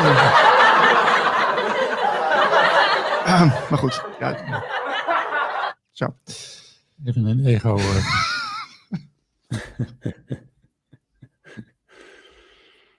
Nee, maar die, die, dus die, die, die, Ebola is eigenlijk, die Ebola is eigenlijk een model. Dat je, vroeger had je een groot, groot familie in, in een boer, boerenland, zeg maar. Opa en oma en overgrootouders als die er waren ook nog bij hoorden. En neven en nichten soms. Dat is een grote familie op het land. Dat is later in het kapitalistische uh, tijdperk, zeg maar. Is dat een gezin geworden? Kerngezin. Nou, dat is onderhand ook uh, minderheid, zeg maar. En nu zitten we met al die individuen en met z'n één en met z'n tweeën in een huisje. En ik denk dat dat, dat weer, nou, andere, net als met die Diabolo, zo, zo weer naar beneden gaat lopen, qua vorm. En dat we nieuwe families zullen gaan vormen. Ja, maar een tendens die me daar ook, het schiet me gelijk te binnen, want je hebt het over families. Um, dat, is, dat is dus niet anarchistisch. Nee, dat, dat snap ik. Maar uh, er wordt ook heel erg, ja, in mijn beleving heel erg gepusht van, van uh, hoe de seksen uh, bijvoorbeeld moet zijn. Hè? Hoe, hoe, hoe, we, hoe de samenstelling moet zijn. dat, dat we, het is een beetje doorgeschoten van dat we elkaar moeten respecteren, wat natuurlijk wel zo is. Maar het wordt, ik, ik, ik, zie, ik zie dat, dat de wereld heel erg maakbaar wordt gemaakt. Van de, de, de, en dat, dat vind ik zo ongezond. Want ik denk dat, dat voor een groot gedeelte mensen echt wel weten en echt wel respect naar elkaar hebben over wie en wat ze zijn. Maar die, die, die uitzonderingen die worden nu zo uitvergroot. Ja, ik vind het een beetje doorgeslagen. Ik weet niet hoe jij daar naar kijkt, maar... Ja, ik vind het een hele enge ontwikkeling. Het klinkt misschien vreemd, omdat ik... nou, eerst even een antwoord op die vraag. Nee, dat vind ik een hele enge ontwikkeling, ja. Want je bent geen man meer, je bent geen vrouw meer, je bent iets eh, onduidelijks daartussenin misschien. Nee, dat is niet zo. Je bent of een man of een vrouw. Sommige mensen hebben problemen met, met die identiteit en die willen daar ook veranderingen in. Dat begrijp ik, zeg maar. Jazeker, zeker. Maar dit wordt tegen iedereen gezegd, dat je, dat je een soort tussending bent eigenlijk. Ja. En dat klopt niet. Nee. Dus... Uh, nou, stel, ja, ja, dat is een, ja, ingewikkeld. Maar volgens mij is dat, dat, dat ook wel een, de essentie van, uh, of de essentie. Kijk, uh, laten we even vanuit gaan dat de, de, de, de, de, de schepper, ja, die heeft, die heeft er, zijn, er zijn twee soorten mensen, een man en een vrouw. Laten, laten we dat als, als basis nemen. Hè? En daar, daar, daar worden natuurlijk weer, komen mensen uit voort bij een geboorte. maar ehm, wat is nou de reden dat er, dat er weer zo, zo aandacht aan moet besteed moet worden aan, aan die, die. De gender. Zeg maar ja. Die, nou, er is een hele tijd aandacht aan besteed vanuit de homo-lesbische en bi-beweging en terecht. Zeker, zeker. Daar heb ik zelf ook deel van uitgemaakt een tijdje. Ja. Uh, dat is een heel ander hoofdstuk. Uh, maar ik denk dat dit met die transhumanistische agenda te maken heeft. Dus, dus dat, dat, dat je eigenlijk de boodschap wordt gebracht van je bent niet goed zoals je bent. Uh, er moet nog wat bij. En daar zit die hele, die hele ontwrichting van je eigen identiteit, die gaat eraan vooraf. Ja. Dus, de, dus de mensen moeten dan ja, geupgrade worden naar een volgend niveau of zo. Ja, maar als je dus je eigen gronding uh, kwijt bent als mens, uh, uh, dan is het ook makkelijker om je weer op die manier weer te bespelen. Ja, exact. Maar goed, dat is weer dat, ja. Zucht. Een zucht, ja. ja. Wat, wat vind jij er, wat vind je er eigenlijk van, Marlijn? Want jij zit ook naar, naar te luisteren. Dus, ken je daar iets van? Of uh, je, heb je daar een mening over? Nou, ik zie vooral dat het heel erg gaat over labeltjes en weer etiketjes plakken. En, uh, en aan die etiketjes dan waardes geven. Dus je bent een man of een vrouw of een dit of een dat. En dat, dat is een etiketje en dat is dan zoveel waard. En dat moet zoveel, uh, zoveel procent en er moet een quotum komen. En het gaat allemaal om, om weer hokjes denken. Dus uh, ik denk dat we op een gegeven moment er helemaal van afgaan. En denk eh, ook niet meer man-vrouw hebben we het ook niet meer over. Dat, dat, dat ja, is totaal niet meer belangrijk dan op een gegeven moment. En dit, dit is een soort uh, ja, proces, een soort, soort uh, heel messy proces waar we doorheen moeten. Van oké, okay, hoe, hoe kunnen we daarover denken? Wat kunnen we, wat kunnen we daarmee? En dan op een gegeven moment dan, dan komt er weer orde in de chaos. Hè? Ja, maar dat, dat, dat, toch, dus raak je toch iets, vind ik. Want je zegt man, vrouw maakt helemaal niet uit. Maar er bestaat wel degelijk zoiets als mannelijke en vrouwelijke energie. Dus daar is zeker wel onderscheid volgens mij. Hoe, denk, hoe, hoe zie jij dat, Fred? Ja. Dat- Ja, goed, dat heeft ook met rollenpatronen te maken. Maar ik, ik, ik ben ook wel met eh Marlijn eens. Van in die nieuwe, nieuwe beschaving, zeg maar. Voor zover je daarin kunt, kunt inleven, zeg maar. Denk ik dat dat. Ja, amper, amper nog een rol speelt. Wij groeien zo op. Snap je? De- dus- De programmering. ja. Ja, ik heb, ik heb ooit, eh, nu we toch alle laadjes opentrekken, dit er ook maar bij, zeg maar. Ja hoor. In Nijmegen een organisatie opgericht met anderen voor mensen met biseksuele gevoelens en ervaringen. En die heeft eh, 25 jaar bijna bestaan, zeg maar. Dus ik weet een beetje hoe, hoe het voelt als je liefdesbetrekkingen hebt met beide kanten. Zeg maar. Dat kan hartstikke mooi zijn. Dat betekent niet dat ik vind dat iedereen dat moet hebben, zeg maar. En met dat dat heel mooi is, wordt het ook losser en niet meer zo belangrijk. Wordt het meer mens. Je? Hebt een relatie en je, hebt, eh, je voelt liefde voor een mens. En niet meer voor een man of een vrouw of een, een label. Of, zeg maar. Ja. Dat is iets heel moois. Zeker, en daar ben ik helemaal met je eens. Ja. Absoluut. Dus ik denk ook, ik ben het wel eens hoor, dat dat langzamerhand steeds minder belangrijk gaat worden. Ja. Wij zijn gewoon zielen op pootjes. En, eh, Ja, we zijn zielen. we zijn zielen met de mensen. pootjes. ja. Ja, die zetten we in de kop in een artikel binnenkort. Fred, Fred Teunissen, dubbele punt. Ik heb nieuws van de NOS, eh nieuws. Nee, kijk, dat is, ook, dat is, dat is wel leuk, Fred. We, we hebben wel, eh, dat is wel even een, eh, een dingetje tussen ons. Ehm, ja, dat moet je ook niet doorvertellen. De NOS, dat, dat, dat wist jij misschien nog niet, maar ze, ze lichten mij elke dag persoonlijk in. Ah, Ja, dat, dat, die, die- dat komt, Radio Glets is natuurlijk een bijzonder project. En eh ja, er schijnt dus elke ochtend om half vier gaan een groepje jongens en meiden, die gaan dan hup het weiland in en die maken dan zo'n prachtige cirkel. En heel Ja. veel mensen denken dat dat een graafcirkel is, maar dat wordt gewoon natuurlijk gewoon gemaakt door mensen. Hm. Dus, eh, en ja, dan zien we daar het resultaat altijd in onze, in onze video. En we hebben er weer eentje, hè? Ja, de, de NOS was er meteen bij. Dus die hebben meteen beelden gemaakt. Dus eh, kijk, dit is, eh, dit is de laatste. En ik weet niet helemaal zeker, want we hadden eergisteren hadden we ook een heel simpel rondje. En dat hebben we nu weer, maar met een ingewikkelder rondje ernaast. Eh, voor, ja, volgens de NOS eh, hebben de jongens eh, er, er weer zin in. Die zijn met plankjes bezig geweest en ja, hebben dit mooie tafereeltje gemaakt. En als het op de NOS staat, dan is het natuurlijk, eh, dan is het natuurlijk zo. Dus eh, daar moeten Ja, we gewoon nee. vanuit gaan. Zo is het. Daar hoeven we helemaal niet eh, verder over na te denken wat dit verder kan zijn. Dus ehm, ja, mooi, eh, mooi ding. Mooi ding weer. waar, waar ligt dat ding? Oh, Ja, waar, waar is het eigenlijk? Dit is een eh, Hampshire. Ah. En ik kan, ik kan al die shirts niet meer uit elkaar houden, maar het, is allemaal, het eindigt allemaal op shir. Maar is Zuid-Engeland toch? ja, dit zal ook weer Zuid-Engeland zijn. Wel opvallend, hè? De, allemaal in, in Zuid-Engeland, al die graancirkels. Ja, maar Nederland ook. Je zou dus, ik weet daar veel te weinig van, maar je zou eens kunnen praten met Roeland en Nan- Nancy van eh, Sky High Creations. Die, die weten er heel veel van. Oké, nou, misschien leuk om een keer een uitzending te hebben. Oh, die hebben misschien contact met die jongens. Dat is dan wel, eh, wel leuk. Dat zou kunnen, ja, dat zou kunnen. Ja. Ja. het aansturen is vanuit Nederland. Maar ja, goed, we, we maken er natuurlijk een grapje over. Hè? Stel jongens en meiden die, die het weiland ingaan. Maar dat, dat, dat komt misschien ook wel voor dat mensen dat proberen na te maken. Ja, dat denk ik zeker. Ja. Ja. Ja. Maar ja, er zijn ook zulke fabelachtig mooie structuren. Dat je denkt, nee, dat, dit eh, moet iets anders zijn. Ja, oké, Maar dan moet je aan Roeland vragen wat dat dan is. Dat- die, die kan het goed uitleggen. ja, ik zou het niet weten. Oké.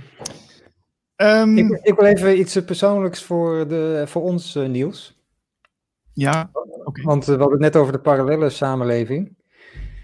Ehm, en wij zitten toch een beetje te denken aan hoe kunnen we deze zender bijvoorbeeld eh, decentraal organiseren. Dus een beetje zoals, ja, een beetje buiten het systeem om. En eh, we, zijn, we, lopen tegen allemaal dingen aan, waardoor we dus eh, allerlei eh, ja, geld moeten uitgeven voor de systemen die er al zijn, waardoor we die systemen in stand houden. Dus dat is wel een, een aandachtspunt voor ons en misschien ook voor andere mensen die dingen aan het opzetten zijn. Hoe, hoe, hoe kunnen we daar omheen werken? Ja, uh, dat, dus mensen die mee willen denken uh, over dit onderwerp, je stuur even een mailtje naar info.radioglacier.nl. ja, of, of ja, via de website stuur, even informatie door, zodat we contact met je kunnen opnemen. Uh, want uh, ja, dat is voor ons wel een vraagstuk. We zijn sowieso ook nog bezig om uh, de, de pijlers wat beter uit te werken. Want we zijn natuurlijk bezig om een radio, radiozender neer te zetten. Maar ja, spiritualiteit is natuurlijk al een, een breed. En we willen dat wat specificeren. Um, dus voel je groepen en, en ja, meld je aan. Wij, wij, voel je vrij om, om ons te helpen daarin. Maar Vetter heeft ook geschreven over decentralisatie. Dus, uh... Ja, wat dit bij me oproept is, uh, maar dat is niet een antwoord op jou, jouw vraag denk ik, van je zou met correspondenten kunnen werken die een, een, een videocamera hebben. En die dan, dan uh, reportages maken, korte reportages van wat er lokaal gebeurt aan, aan, aan parallele dingen, zeg maar. En dat jullie het beste daarvan dan gebruiken in de uitzending. Oh ja, dat is ook decentraal, maar dat, jij bedoelt decentraal naar de systemen, naar de infrastructuur. Nou, het, gaat, het gaat over wat willen dus ook muziek uh, gebruiken. En dan, dan heb je te maken met licenties. En uh, dan moet je een rechtsvorm worden en uh, al dat soort dingen. Waarom kan dat niet Ja, er zijn misschien wel bandjes of, of, of, muzikanten die, die een bijdrage willen leveren en die, die je kunt gebruiken. Ik denk dat alles er gewoon is. Oké. In Nederland heb je alles wat je, wat je nodig hebt. Je moet alleen de goede mensen vinden. Dus de, decentraal is, is zoveel wijsheid, zoveel ervaring, zoveel materiaal. Dat, het is alleen de vraag, hoe kom je er? Ja, ja want we, hebben natuurlijk zometeen te maken met, uh, met, programmamakers. Uh, mensen die ons aanvullen met andere programma's die uh, ja, vergelijkbare um, onderwerpen bespreekbaar maken. En die hebben natuurlijk ook ja, een eigen plek nodig waar ze dat kunnen doen. Dus ze moeten wel apparatuur hebben. Dus dat is, dat is allemaal vrij praktisch. En dan is het vaak wel een zender en software nodig die dat allemaal faciliteert. Dus dat, dat, maar goed, ja. Ja, wil, jij, wil jij nog iets toevoegen, Marlijn, hier dan? Nou ja, we, kunnen wat algemener trekken van, uh, van hoe, hoe doen we dat decentraal? Hoe, hoe, en, en als we die uh, ja, een soort van enclaves hebben die het anders doen, hoe staan die met elkaar in contact? En zodat ze niet, ook weer niet illegale dingen doen, tegen de wet ingaan, maar een beetje er buitenom opereren. Is, is daar iets over te zeggen? Nou, ik heb, ik heb dus uh, afgelopen week een video opgenomen met, met een jurist. En die is bezig om um, van persoon naar mens te gaan. Dat is een heel interessant proces. Uh, dat is een juridische toolkit waar hij mee bezig is. Um, want op het moment dat jij uh, jezelf schaart onder de mensenrechten, dan zijn heel veel um, ja, boetes, heel veel juridische problemen die je, die je ondervindt, die, die, worden, die worden dan omzeild. Omdat je niet meer meedoet aan ja, het, het systeem waar je in zit. Omdat je jezelf mens verklaart. En hij kan het beter uitleggen dan dat ik dat nu doe. Um, maar, dus, kijk, je, je, je, je hebt recht op, um, uh, ja, op, op die juridische basis om, om mee te doen. Maar je hebt ook, dat, dus, dat betekent niet dat je dat moet doen. Je hebt, je hebt er recht op. Dus je kunt ook zeggen van ik, uh, ik, ben, ja, ik ben mens, uh, ik doe niet mee. Of ik, ik, ja, ik identificeer me niet, want daar, daar ligt eigenlijk alles mee, hangt alles mee samen.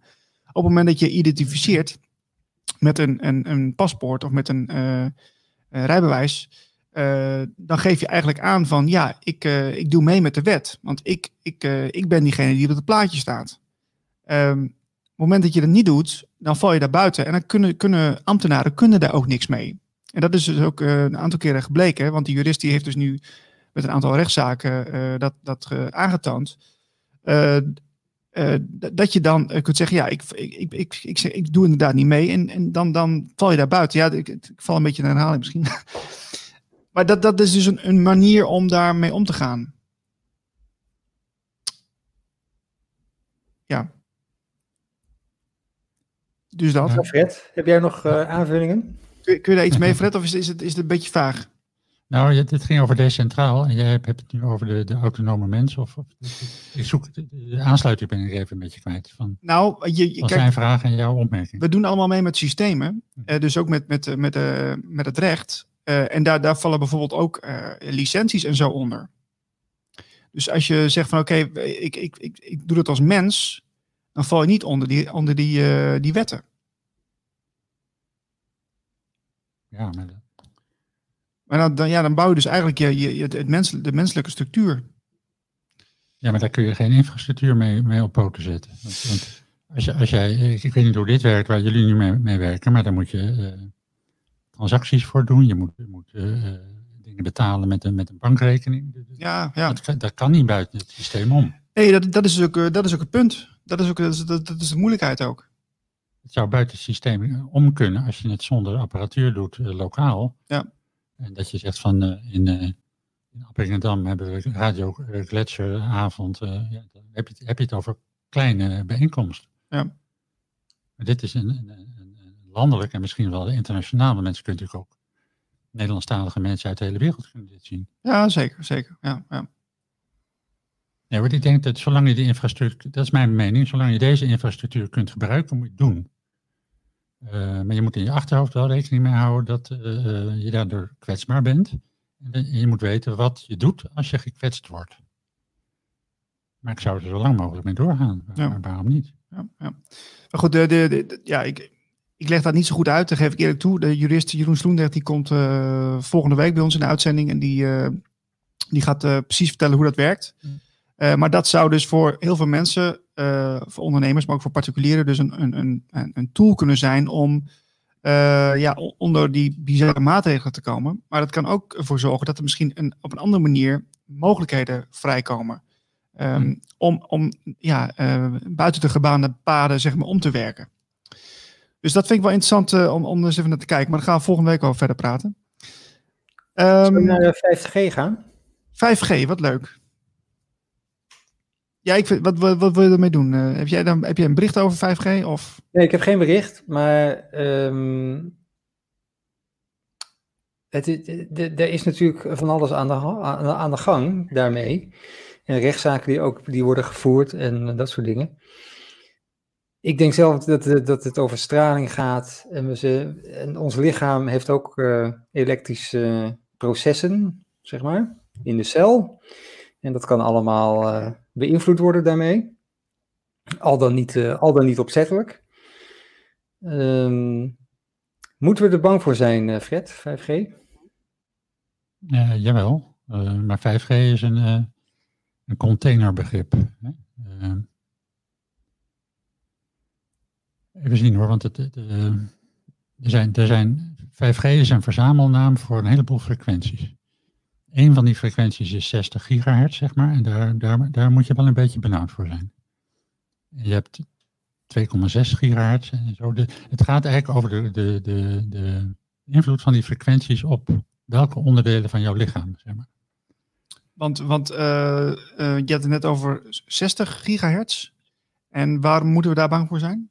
Dat is de frequentie waarbij zuurstofmoleculen uh, aangetast worden. En dan herkent je lichaam ze niet meer als zodanig. En dan, krijg, dan kun je dus uh, acute zuurstofproblemen krijgen. Dus de, de SARS, hè, het, zuurstofsyndroom, acute uh, zuurstoftekort, is gerelateerd aan 60 gigahertz. Ja, er is op de transitieweb heel veel over geschreven, niet door mij overigens, dus ik moet even in mijn, in mijn, in ja, dat, snap ik. Uh, graven. Um, en in het boek wat, wat ik nu dus aan, aan het maken ben, staat er een flinke sectie over uh, de gezondheidsimpact van 5G. En meneer Martin Paul heeft daar een, eh, een heel goed lang document over geschreven. Ja, ja dat is wetenschapper, hè? Die, ja. ja, ja. Dus ja, bang voor zijn, dat is niet de goede, helemaal de goede vraag. Want van, het is er. En ja, in Den Haag vielen de spreeuwen uit de, uit de bomen. Dat is waarschijnlijk bij een test geweest. Dus de vraag is, op welke frequentie wordt dat hele zendernetwerk nou afgestemd? Ik ben ervan overtuigd dat als degene die dat besturen dat zouden willen, dat ze er heel veel kwaad mee kunnen doen. Door bepaalde frequenties te verhogen of door de, de capaciteit van die zenders te verhogen. Ehm, maar dat zullen ze niet zomaar doen. Snap je? Dus, dus Nee. En, en, en dus eh, wat ik ervan weet is, dus je kunt jezelf daar tegen beschermen, maar dat betekent ook dat je zelf je frequentie eh, hoog moet hebben. ja, maar je kunt je, ja, het is een individuele eh, ding. Dan ben je er minder kwetsbaar. Dus dat is, dat is de haak weer in op wat we er straks zeiden over gezondheid en zo. Ja, exact, exact. Maar je kunt je ook beschermen met Orgonite. Met, Heb ik, heb ik. ja. wat is Orgonite? Ik kan het even pakken. Ja, ik heb er ook een. Oh, je hebt er een eentje, heb je eentje mee? Ja. Oké, ik, kan- heb ik, even- ik heb hem hier, eh, ja, pak maar door. Wat is het ook weer nieuws? Wat zit er allemaal in, in dat ding? Ehm, ja, wat zit erin? Het is, eh, dan vraag je me wat. Fred heeft een, eh, oh, je hebt een kleintje meegenomen. Kleintje. Ik heb een, eh, wanneer was het? Een aantal maanden geleden heb ik iemand in de uitzending gehad die, eh, die dat eh, verkoopt. En eh, dat, dat, dat beschermt dus, ja, beschermt. Het, is, het, het heeft invloed op de, de straling. Eh, dus het is, niet een, het, is, het is niet een middel wat, wat de straling weghaalt. Maar het is wel een middel wat, eh, wat het soort van afzwakt of vermindert. Hè? Begreep ik. Ja, de, de, de, de, de- negatieve werking ervan, zeg maar. Ja. Ja, dit, dit, zo ziet het eruit. Het is een, compound van epoxyhars en metaaldeeltjes. Dus dat is aluminium of koper, meestal aluminium. En er zitten ook vaak kristallen in, maar dat hoeft niet. Dus de werking, zeg maar, de, de neutraliserende werking, die is al voldoende vanuit die, epoxyhars en de, de metaaldeeltjes. Oké. En die kun je in de buurt van een, eh, van een, van een zender gewoon, in, eh, eh, begraaf je dat, zo'n stukje in de grond. Of als er een sloot langs ligt, dan gooi je het in de sloot. Ehm, dat werkt. Vrij simpel. En, en Je hoe, zou daar eens ook iemand voor... Ja, dat heb je een keer gedaan met... eh, ja, maar hoe, heb je, eh, hoe, hoe, weet je dat dit werkt dan? Heb je dat, eh, kun, kun je er zelf een ervaring over delen met ons? Ehm, ja, weet je, mensen die heel gevoelig zijn, die voelen dat. Op het moment dat je dit in de omgeving brengt, dat er iets verandert in de atmosfeer. En in die zin haakt het ook een beetje aan dat Akasha-verhaal. Het heeft invloed op de, sub, ja, maar de, de, de ether, kun je zeggen. Ja, ja. Dat is de, de, ja, de, de, de, de substantie of de, de, de, de wereld achter de wereld, zeg maar. De, de, de, de, de subtiele materie. Daar heeft het invloed op. En uh, dat hebben die, die zendmasten natuurlijk ook. En je kunt het, uh, ja, het is moeilijk om het, om het, om het uh, precies wetenschappelijk vast te stellen, want het werkt anders dan in de, in de huidige uh, natuurwetenschappen. Uh. Maar je zou kunnen kijken naar, naar uitbraken van, van het probleem, zeg maar. Oké. Okay. Want uh, als, de, als de, de werking zodanig is als ik nu denk dat die is, zeg maar, dan zullen mensen die dit in hun omgeving hebben gebracht minder last hebben van het acute probleem waar we het afgelopen anderhalf jaar mee te maken hebben. Ja, want dan waar dat niet gebeurt. Nee, precies. Maar er zijn, er zijn uh, in Nederland, uh, daar is ook wel uh, aandacht aan besteed, zoals bij de NPO. mensen die echt last hebben van straling, die, die, die, die, die, die zijn er gewoon. Ja. En dan kunnen, kunnen mensen zeggen, ja, dat, dat, dat, weet je helemaal niet, dat kan ook iets anders zijn.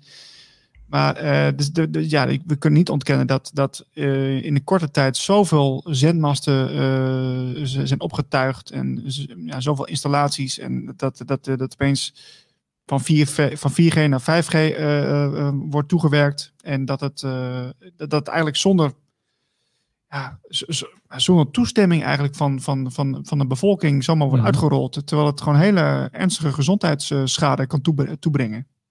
Ja, ja maar die, die, mensen die jij bedoelt, die zijn extra gevoelig, zeg maar. Ja. overgevoelig. Ja. Maar iedereen heeft er last van.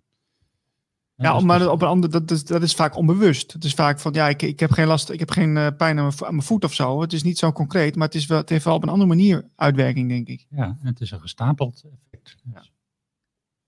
Maar dit is een heel groot onderwerp, weet je. Dus, dus uh, ook in de geschiedenis is het steeds zo geweest als er een nieuwe introductie was van een, uh, van een uh, zo'n zend, zend weet het? frequentie. radiografische te techniek, zeg maar. Dat dat met ziekteverschijnselen tot gevolg had. Dat kun je gewoon in de geschiedenis aanwijzen. En we zijn nu met z'n allen zijn we dit aan het verstouwen. Zeg maar. Niet iedereen lukt dat even goed. Ja, dat was wel grappig, want uh, Judith, uh, die hadden we gisteren in de uitzending, astrologe. Die zei ook van, ja, dat, uh, dat, dat um, die ziekte, die zit hem vooral in de, de onderste chakra's. Vertelde zij hè, gisteren. Hmm.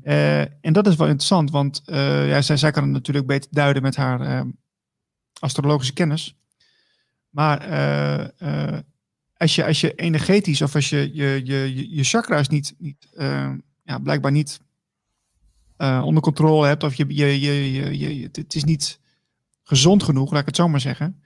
Uh, dan is dat, dat, is, dat is voor straling natuurlijk een ideale uh, manier om op jouw invloed uit te oefenen. Als je, als, als je daardoor uit balans geraakt wordt. Snap, snap, snap je wat ik bedoel? Ja, ja. Nou, dat, dat, dat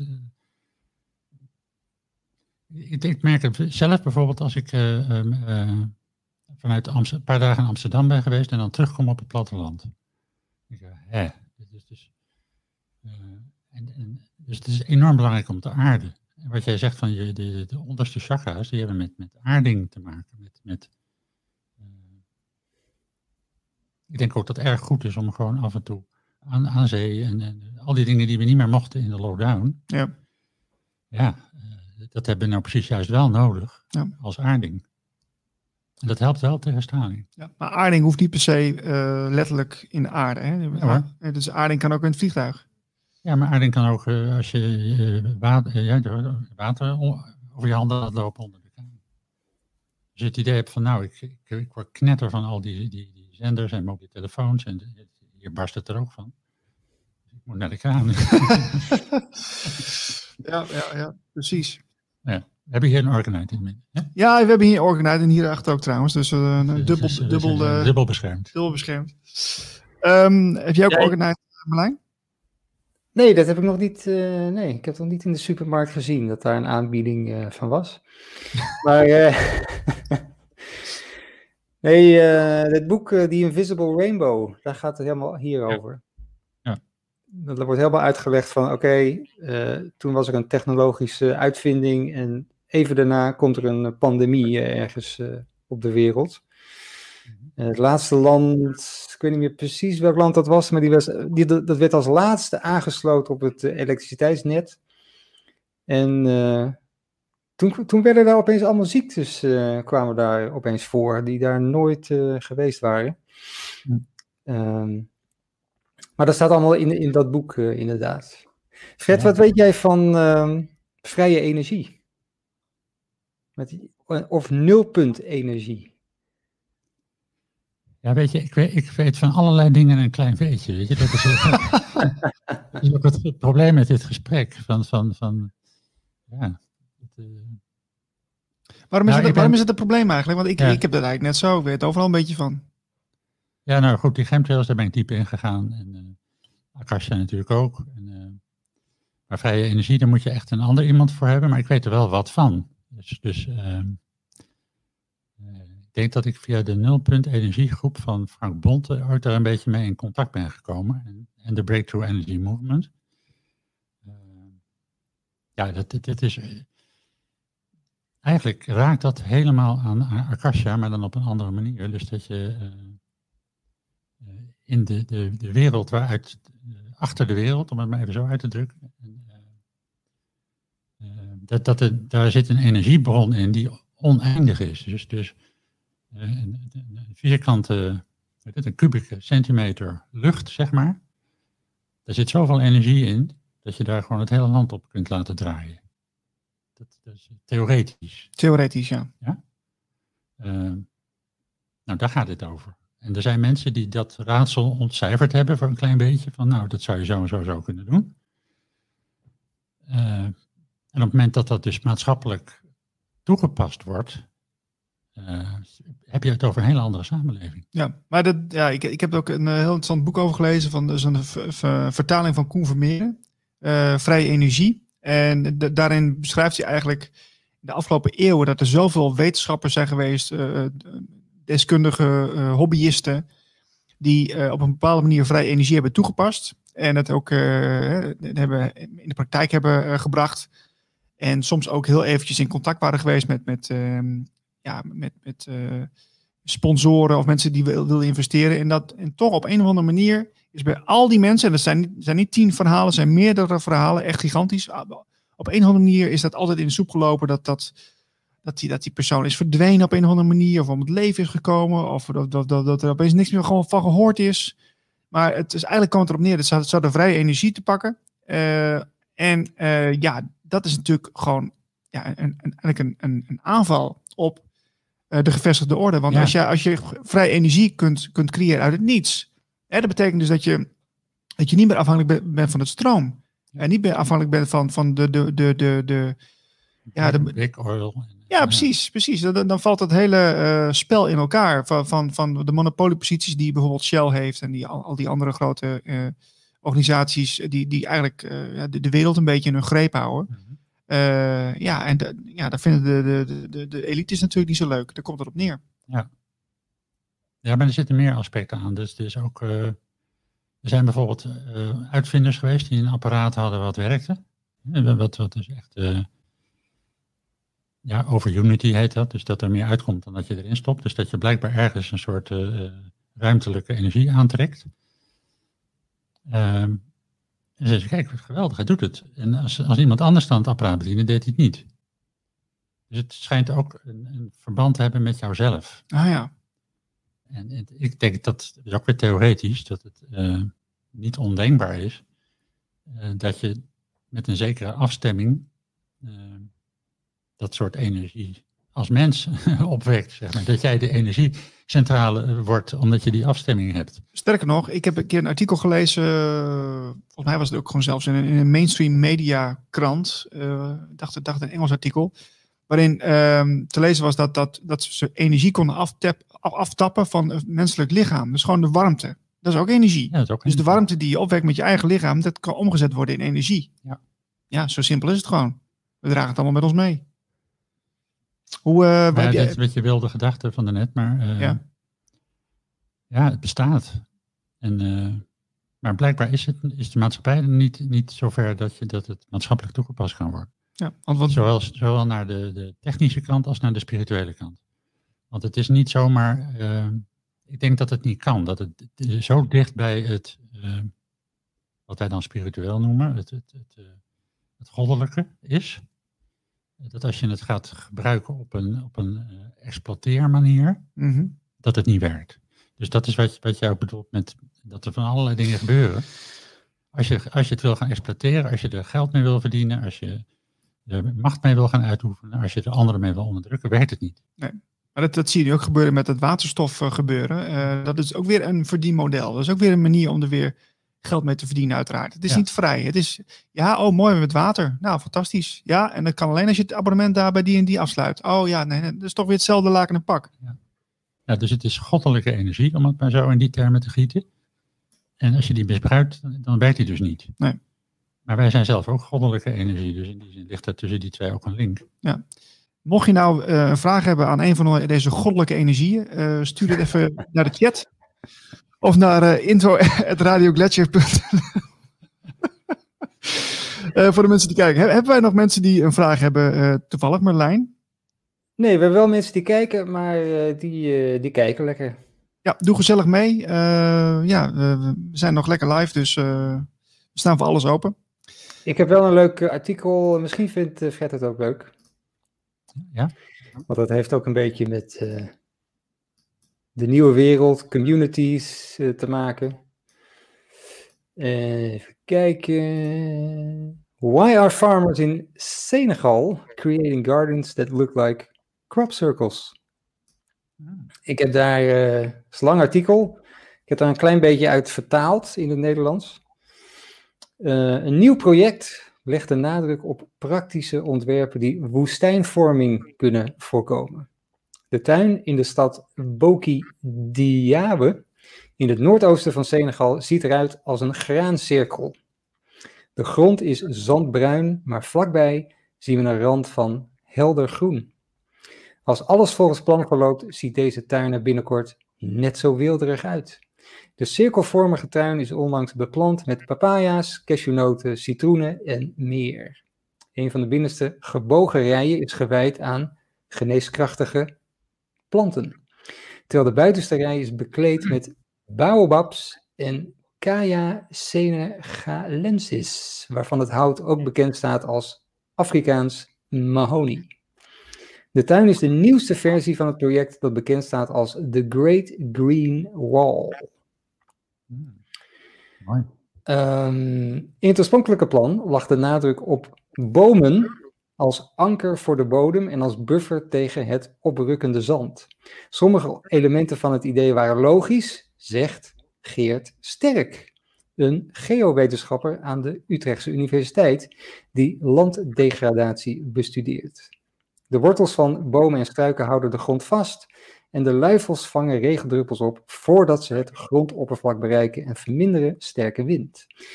Maar het ambitieuze plan is niet echt uitgekomen. Er was politiek gekibbel over waar de groene lijn getrokken moest worden en wetenschappelijke debatten over de oorzaken van woestijnvorming en ook over de doeltreffendheid van de aanpak. Vanaf 2021 is het project slechts een fractie van de weg naar het doel om honderden miljoenen hectares te planten. Hmm. Dus ehm, dat zijn ze nu aan het doen in Senegal. Een soort graancirkelachtige, moestuinachtige projecten. Doe een beetje denken aan het eh, Ubuntu-project. hè? Dat is ook best wel groot aan het worden. Ja. Ken je dat Marlijn? En, eh, Ja, Ubuntu, nou ja, Ubuntu, dat is een soort, eh, dat is sa- ja, sa- samen, samenwerken, toch? Dat is een beetje de vertaling. Het is een eh, geme- gemeenschap waarin iedereen eh, voor de gemeenschap werkt. Ubuntu Contributionism heet het. Oké. Michael Tellinger. Michael Tellinger, ja. Zuid-Afrikaanse wetenschapper volgens mij. Ja. Ehm, even zien, want we hebben dus eh, de chemtrails hebben we een beetje gehad. We hebben de Akasha Chroniek hebben, we- besproken. Ja, we gaan er als een trein doorheen. Hè? Ja, iedereen snapt gelijk waar we het over hebben.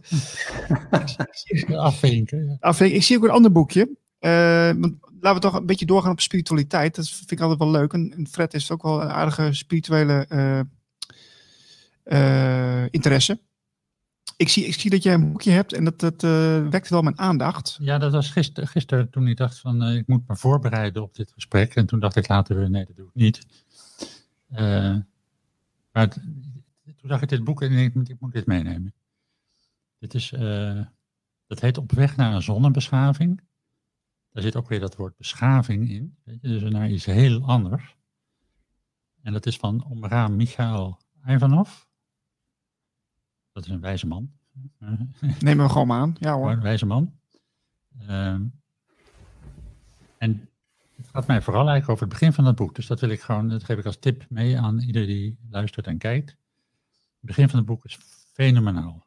Ehm, Waarom? dat geeft eigenlijk een hele nieuwe kijk op de, op de nieuwe kijk, oude kijk, op, op, eh, op wat de zon is en, en onze relatie met de zon. En wat hij deed met, of doet met zijn eh, volgelingen is eh, elke ochtend, en en zij doen het 's ochtends, anderen die doen het 's ochtends en 's avonds, bij de zonsopkomst een ritueel eh, doen. Ja, misschien moet ik, kan ik een stukje voorlezen, want anders wordt het te veel eh, Ja, dat mag. We zijn heel over benieuwd. en het, het is veel beter van. Ja.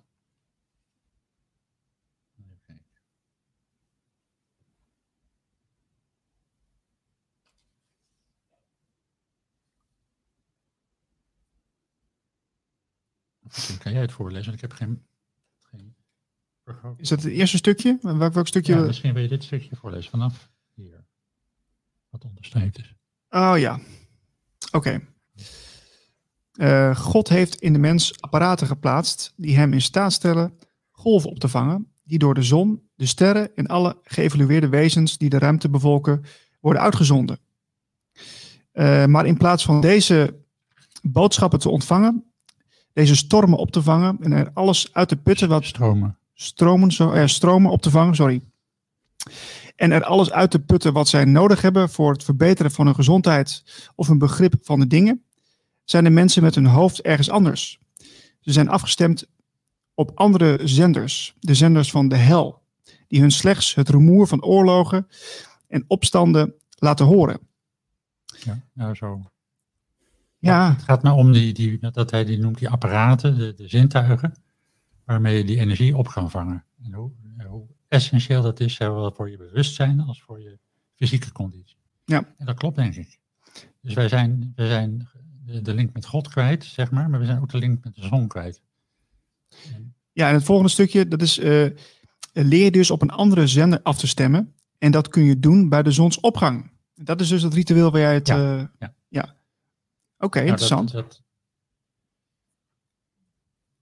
dat heb ik een keer een beetje geleerd hoe ze dat doen. Eh, eh, mensen uit een ecodorp in Polen doen dat heel veel. Die eh, gaven een workshop, die heb ik bijgewoond. En daarna heb ik het ook een aantal keer gedaan met een paar andere mensen. Het is een vuurritueel wat je s ochtends en s avonds bij zonsopkomst en ondergang kan doen. En de gedachte is dan dat zeg maar, op dat moment de zon een prisma is. Prisma naar de rest van de kosmos. Dus, de, dus naar, naar, naar achter. Ja, ja. Ja, ja, ik snap het, ja. En die energie die schijnt heel erg voedend te zijn. Nou, geef dat maar mee, want dat, dat kan ook helpen eh, in, het, in het op krachten blijven, zeg maar. Hoewel niet iedereen dat natuurlijk zal gaan doen, maar eh, los van het doen is het punt inderdaad, de, wat is nou eigenlijk de zon? En ik heb een tijdje geleden eh, een lezing bijgewoond van eh, eh, Semir Osmanagic, de man van de Bosnische piramides Ah, ja, ja, ja. in Groningen. En die begon zijn lezing met de vraag van, wie van jullie gelooft dat de zon een god is? Aan de zaal vroeg hij dat. Toen werd het heel stil. Toen gingen er een paar vingers omhoog. Maar dat is een essentieel ding. Want hij, dat zegt deze uh, Ivanov ook. Hij zegt van, het is de beste representatie van God die er voor ons is. Het is, dus niet, het is niet God zelf, de zon is niet God. Maar laat ons wel zien ja, wat, je, wat je daar menselijk gewijs gesproken het beste nog bij kan voorstellen. Ja. En dat vind ik een heel mooi beeld. En, uh, ik kan het lang niet zo mooi zeggen als dat hij het zelf zegt in dit, in dit uh, begin van dit boek. Maar dat vind ik een aanrader. Ik vind, jongen, ja, want, uh, we zijn dat kwijt. Ja, het is ook heel simpel. Hè? Zonder zon is er ook geen leven mogelijk. Ja. Dus, en, en vitamine D, maar dan ga je het weer heel materieel maken, weer heel rationeel. Natuurlijk moet je veel zon hebben voor die vitamine D, maar er zit ook spirituele informatie in het zonlicht. En dan komen we bij de chemtrails, want die dimmen dat. Snap je? Dus het is ook, ja, een, ja. Het is ook een, een, een, spiritueel gevecht. Ja, ja, maar dat is sterker nog, uh, Bill Gates die gaat nog een stapje verder natuurlijk. Hè? De, de zon uh, dimmen. Ja. Uh, want het wordt te warm natuurlijk op de aarde, dat is logisch. Eh, en dan krijg je dat soort verhalen. Maar uh, het, het, ik heb ook onlangs gehoord van iemand die zei: ja, de zon die geeft je soms updates. Ja. Dit, is, dit is eigenlijk informatie dat tot je komt. Hè? Ja, dat is wat hij, exact wat hij zegt. En God heeft in ons apparaten geplaatst om die informatie te, te, op te nemen. Ja, ja. De, de blokkades uh, te veroorzaken, zodat je die informatie niet kunt integreren. Ja, dat is wat Gates. Uh, ja. ja. Oké, okay, ja. mooi boekje. Uh, nog één keer, zal ik me even laten zien voor de kijker. Uh, is het te zien, Marlijn? Ja, het is te zien. Op weg naar een zonnebeschaving. Alright. Wat denk je dat daar met Gates achter zit, Fred? Is dat, is dat bewust hierdoor? Of, of hiervoor? Om de zon te dimmen? ja, dat denk ik wel, ja. ja. Ik denk dat er, dat er wel degelijk ook spirituele motieven een rol spelen. Ja. Naast al de andere die we net genoemd hebben. Hè. De, ja, wat, in, in, de meeste boeken over chemtrails kom je dat niet tegen. Maar, uh, nee, want we, in het begin van de uitzending hadden we het over uh, ja, de, de, de censuur die er plaatsvindt. Hè, maar uh, dat is de informatieoorlog. Maar het is ook in zekere zin ook een spirituele oorlog. Ja. En dus de, daarom is het ook heel grappig dat, dat, dat ja, uh, dat je nu die groeperingen bij elkaar ziet komen van mensen die met spiritualiteit bezig zijn. Maar ook mensen die, ja, die toch eh, conservatief rechts zijn of die, die tegen het systeem zijn, dat die eigenlijk dus op, op, een bepaalde manier samenkomen en denken van hé, hey, verrek, we hebben toch wel een beetje ehm, overeenkomsten in, in hoe we ernaar kijken. En ja, ik zie ook dat daar nu, nu veel gebeurt. ze leren van elkaar, ze, ze, ze, ze connecten met elkaar. En ja, dat lijkt wel een soort van langzame vereniging aan het worden. Ja, dat is mooi. Zeg je dat goed? Ja, dat, dat, dat weet je, het punt, het punt is, er is geen duidelijk, ja, heel breed gedragen antwoord nog. Ja, als, ik, als ik dit boek noem, dan is dat een heel belangrijk element in, in wat zich nog moet ontwikkelen en waar we allemaal naar aan het zoeken zijn. En dat, dat is er nog niet. Dat, dat moet nog ontstaan. Dus dat is eigenlijk mijn stelling, zodat je kunt het ook als stelling poneren, dat geen van de grote geestelijke stromingen die wij kennen, op dit moment een antwoord heeft op uh, de uitdagingen waar we nu met de hele coronacrisis en wat er allemaal aan vastzit, uh, voor staan. En, en dat geldt zowel voor de antroposofie als voor het boeddhisme, als voor de christelijke richtingen, als voor andere er is geen goed antwoord nog. Dus dat is de stelling. En dan, dan betekent dat, dat als dat klopt, dat we met, met z'n allen, ook binnen die bewegingen, zeg maar ook binnen de boeddhistische groeperingen en de antroposofen, moeten zoeken naar nieuwe antwoorden op nieuwe vragen. En je ziet vaak dat mensen met oude antwoorden komen op nieuwe problemen en dat werkt niet. Nee, nee. Is, is het volgens jou nodig om, uh, om, als je toe wil naar iets nieuws, dat eerst het oude helemaal kapot moet? Denk je dat? Nee hoor. Nee, ik, ik denk eerder dat, daarom ben ik ook tegen het woord oorlog, dat het een spirituele oorlog zou zijn. Ik denk eerder dat dat, dat nieuwe, ja, dat, dat, dat als in een soort ondergrond nu aan het ontstaan is, wat jij net onder woorden brengt. En dat het op een gegeven moment, als het ware, net als zo'n koffie, als je er zo, eh, zo'n zo koffie doorheen drukt. Hoe dat? Je drukt er zo'n missie. Koffie? ja, het lijkt op koffie. Oké, ja. ja, ik vind het goed.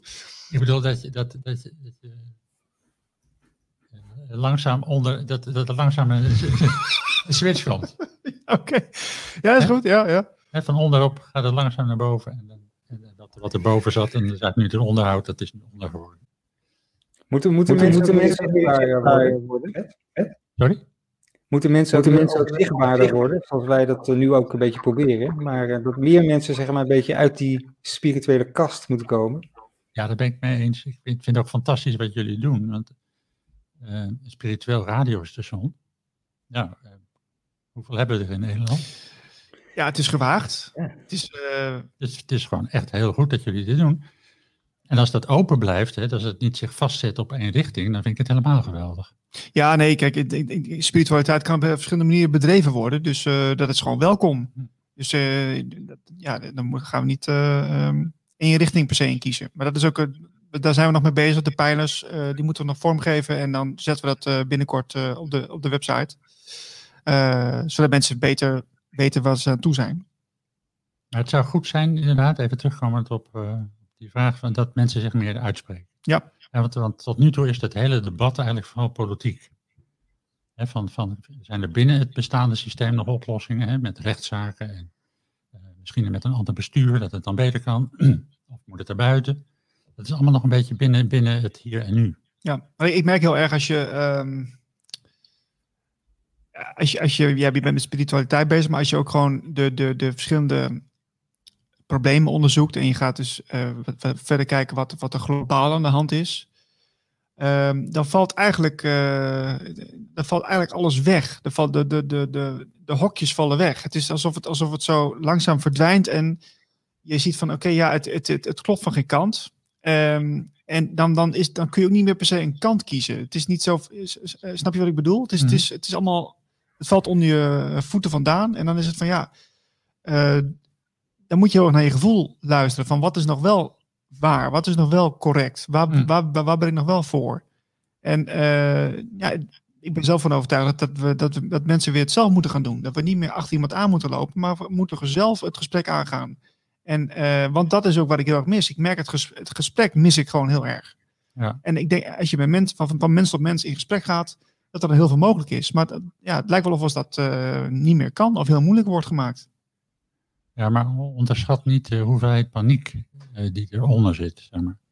Daar hadden we het straks even in de auto ook over. Van, van, uh, op het moment dat je ontdekt dat uh, op, op één ding zeg maar, de wereld toch echt heel anders in elkaar zit dan je altijd dacht. Dat, dat is een pijnlijk ding, dat doet pijn. Dat, dat ontwricht. Ja, maar dan raak je, raak je gedesoriënteerd door. Plus dat als je dat. Oké, ja, is toch anders dan ik dacht. Dan krijg je een soort domino-effect. Want dan denk je, oh, maar misschien geldt dat ook wel voor dit en dat. In dit boek zeg ik ergens in, waar ik geïnterviewd word, van dat het wemelt van de verhalen die niet kloppen. En mensen voelen dat. Mensen voelen dat als ze zeg maar A zeggen hier van, oh, misschien heb je wel een punt, dat er ook nog B, C, D, E enzovoort. Ja, ja, ja, ja. ja. En dat, dat, veel mensen zeggen, doen dat maar niet. Dan gaat er een deur dicht. Ja. En dat is ook wel te begrijpen. Dus ja. Dat, dat, hebben we zelf ook allemaal. Ja, nee, zeker. Ik bedoel, maar het kan soms jaren duren. Ik bedoel, de, de interesse in uh, een andere werkelijkheid of, of, of uh, noem het conspiracy of, of uh, um, andere informatie dan de mainstream, laat ik het zo maar zeggen. ja, die, die, die neem ik al jaren tot me. En op een gegeven moment dan ga je wel zien van oké, dit dit, dit klopt niet, dit klopt niet en dit zit toch anders in elkaar. En dan heb je ook de tijd om het een plekje te geven. Maar als je dat in 2020 als je dat dan pas achterkomt, ja, dan heb je nog wel een weg te gaan natuurlijk. Hè? Want uh, er, is, er is veel meer wat niet, uh, niet klopt. Maar ik denk ook dat de andere kant ook in paniek is. Dat, dat, uh, dat zijn alle tekenen van. Het, het, is zo bizar, zo absurd, zo buiten de orde. Mm. Zo, zo, zo van God los. Hoe is dat bij jou gegaan, Marlijn, eigenlijk? Zie jij ook dat de wereld heel erg anders is? Of dat, is, is het vanuit jouw perceptie wel, wel, wel, wel mee? Of, of hoe, hoe, hoe zie je dat? Nee, ik zie wel dat, het, oh, ik zie wel, ik zie wel dat twee, um, twee kampen twee zijn kampen. die allebei een beetje in angst zitten. En dat zijn, dat is het, uh, ja, dat is, dat is, dat is, dat, dat is die mes, hè? dat is dat rommeltje waar we doorheen moeten. En uh, iedereen is in verwarring en in chaos. En uh, ja, ik, ja, zelf bekijk ik dat dan maar gewoon een beetje van, uh, oké, die, die, die zit daar en die zit daar in zijn ontwikkeling en die, die zit nog veel hoger dan ik, die is al veel verder dan ik. Uh, maar dat kun je dan wel vanuit een soort rust en neutraliteit eigenlijk bekijken.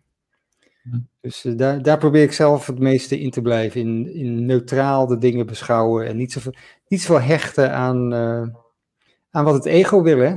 Ego, dat, uh, dat klampt zich allemaal vast aan, uh, aan wat hij belangrijk vindt. En, uh, maar dat moet je steeds meer een beetje afwerpen en niet zo belangrijk maken. Dat is een, dat, maar goed, dat is een heel proces. Dus hm. dan ben je niet. je, kunt, je, je kunt niet even het lichtknopje aanzetten, zeg maar. Nee, maar bijvoorbeeld ego is, er, is ook gewoon al een heel groot onderwerp. Wat is, wat is ego? Uh, ik bedoel, ik, in non-dualiteit ben ik daar heel erg mee bezig geweest uh, een paar jaar geleden. Uh, dat ik dat heel interessant vond. Maar dan, dat is gewoon één hoofdstuk van de vele hoofdstukken. Hè? Dat is hmm. gewoon, en om dat eenmaal goed te begrijpen en ook te doorvoelen, ja, dat is, daar kun je zo lang mee bezig zijn. En, en, en, en, en het kan ook nog gewoon zo zijn dat je dat ook nog niet snapt. Hè? Dat, je, dat, je denkt, dat je denkt van ik ben er wel mee bezig, maar ik, eigenlijk integreer ik het helemaal niet. Hm. En dat, dat kan met die andere onderwerpen natuurlijk ook zo zijn. Hè? Dat je wel ergens wel iets hoort, maar ik van ja, het zal wel, maar ik, ik, ik, ik, ik, ik, uh, ik vat het nog niet helemaal. Dus het is, uh, ja, ik denk dat heel veel mensen voor een ontzettend grote uitdaging staan uh, sinds, sinds vorig jaar. Ja. Sorry. Dat moeten we niet onderschatten. Ja. Maar Marlijn, jij, jij hebt het over neutraliteit. Uh, heb je dat goed gehoord? Van, ja. Je wilt een beetje uit het, uit het gevoel blijven. Uh, ik vraag me af of dat kan. Weet je, dus, dus de, de non-duale weg. Ik heb gisteren uh, nog een slotzin gezet in een stuk.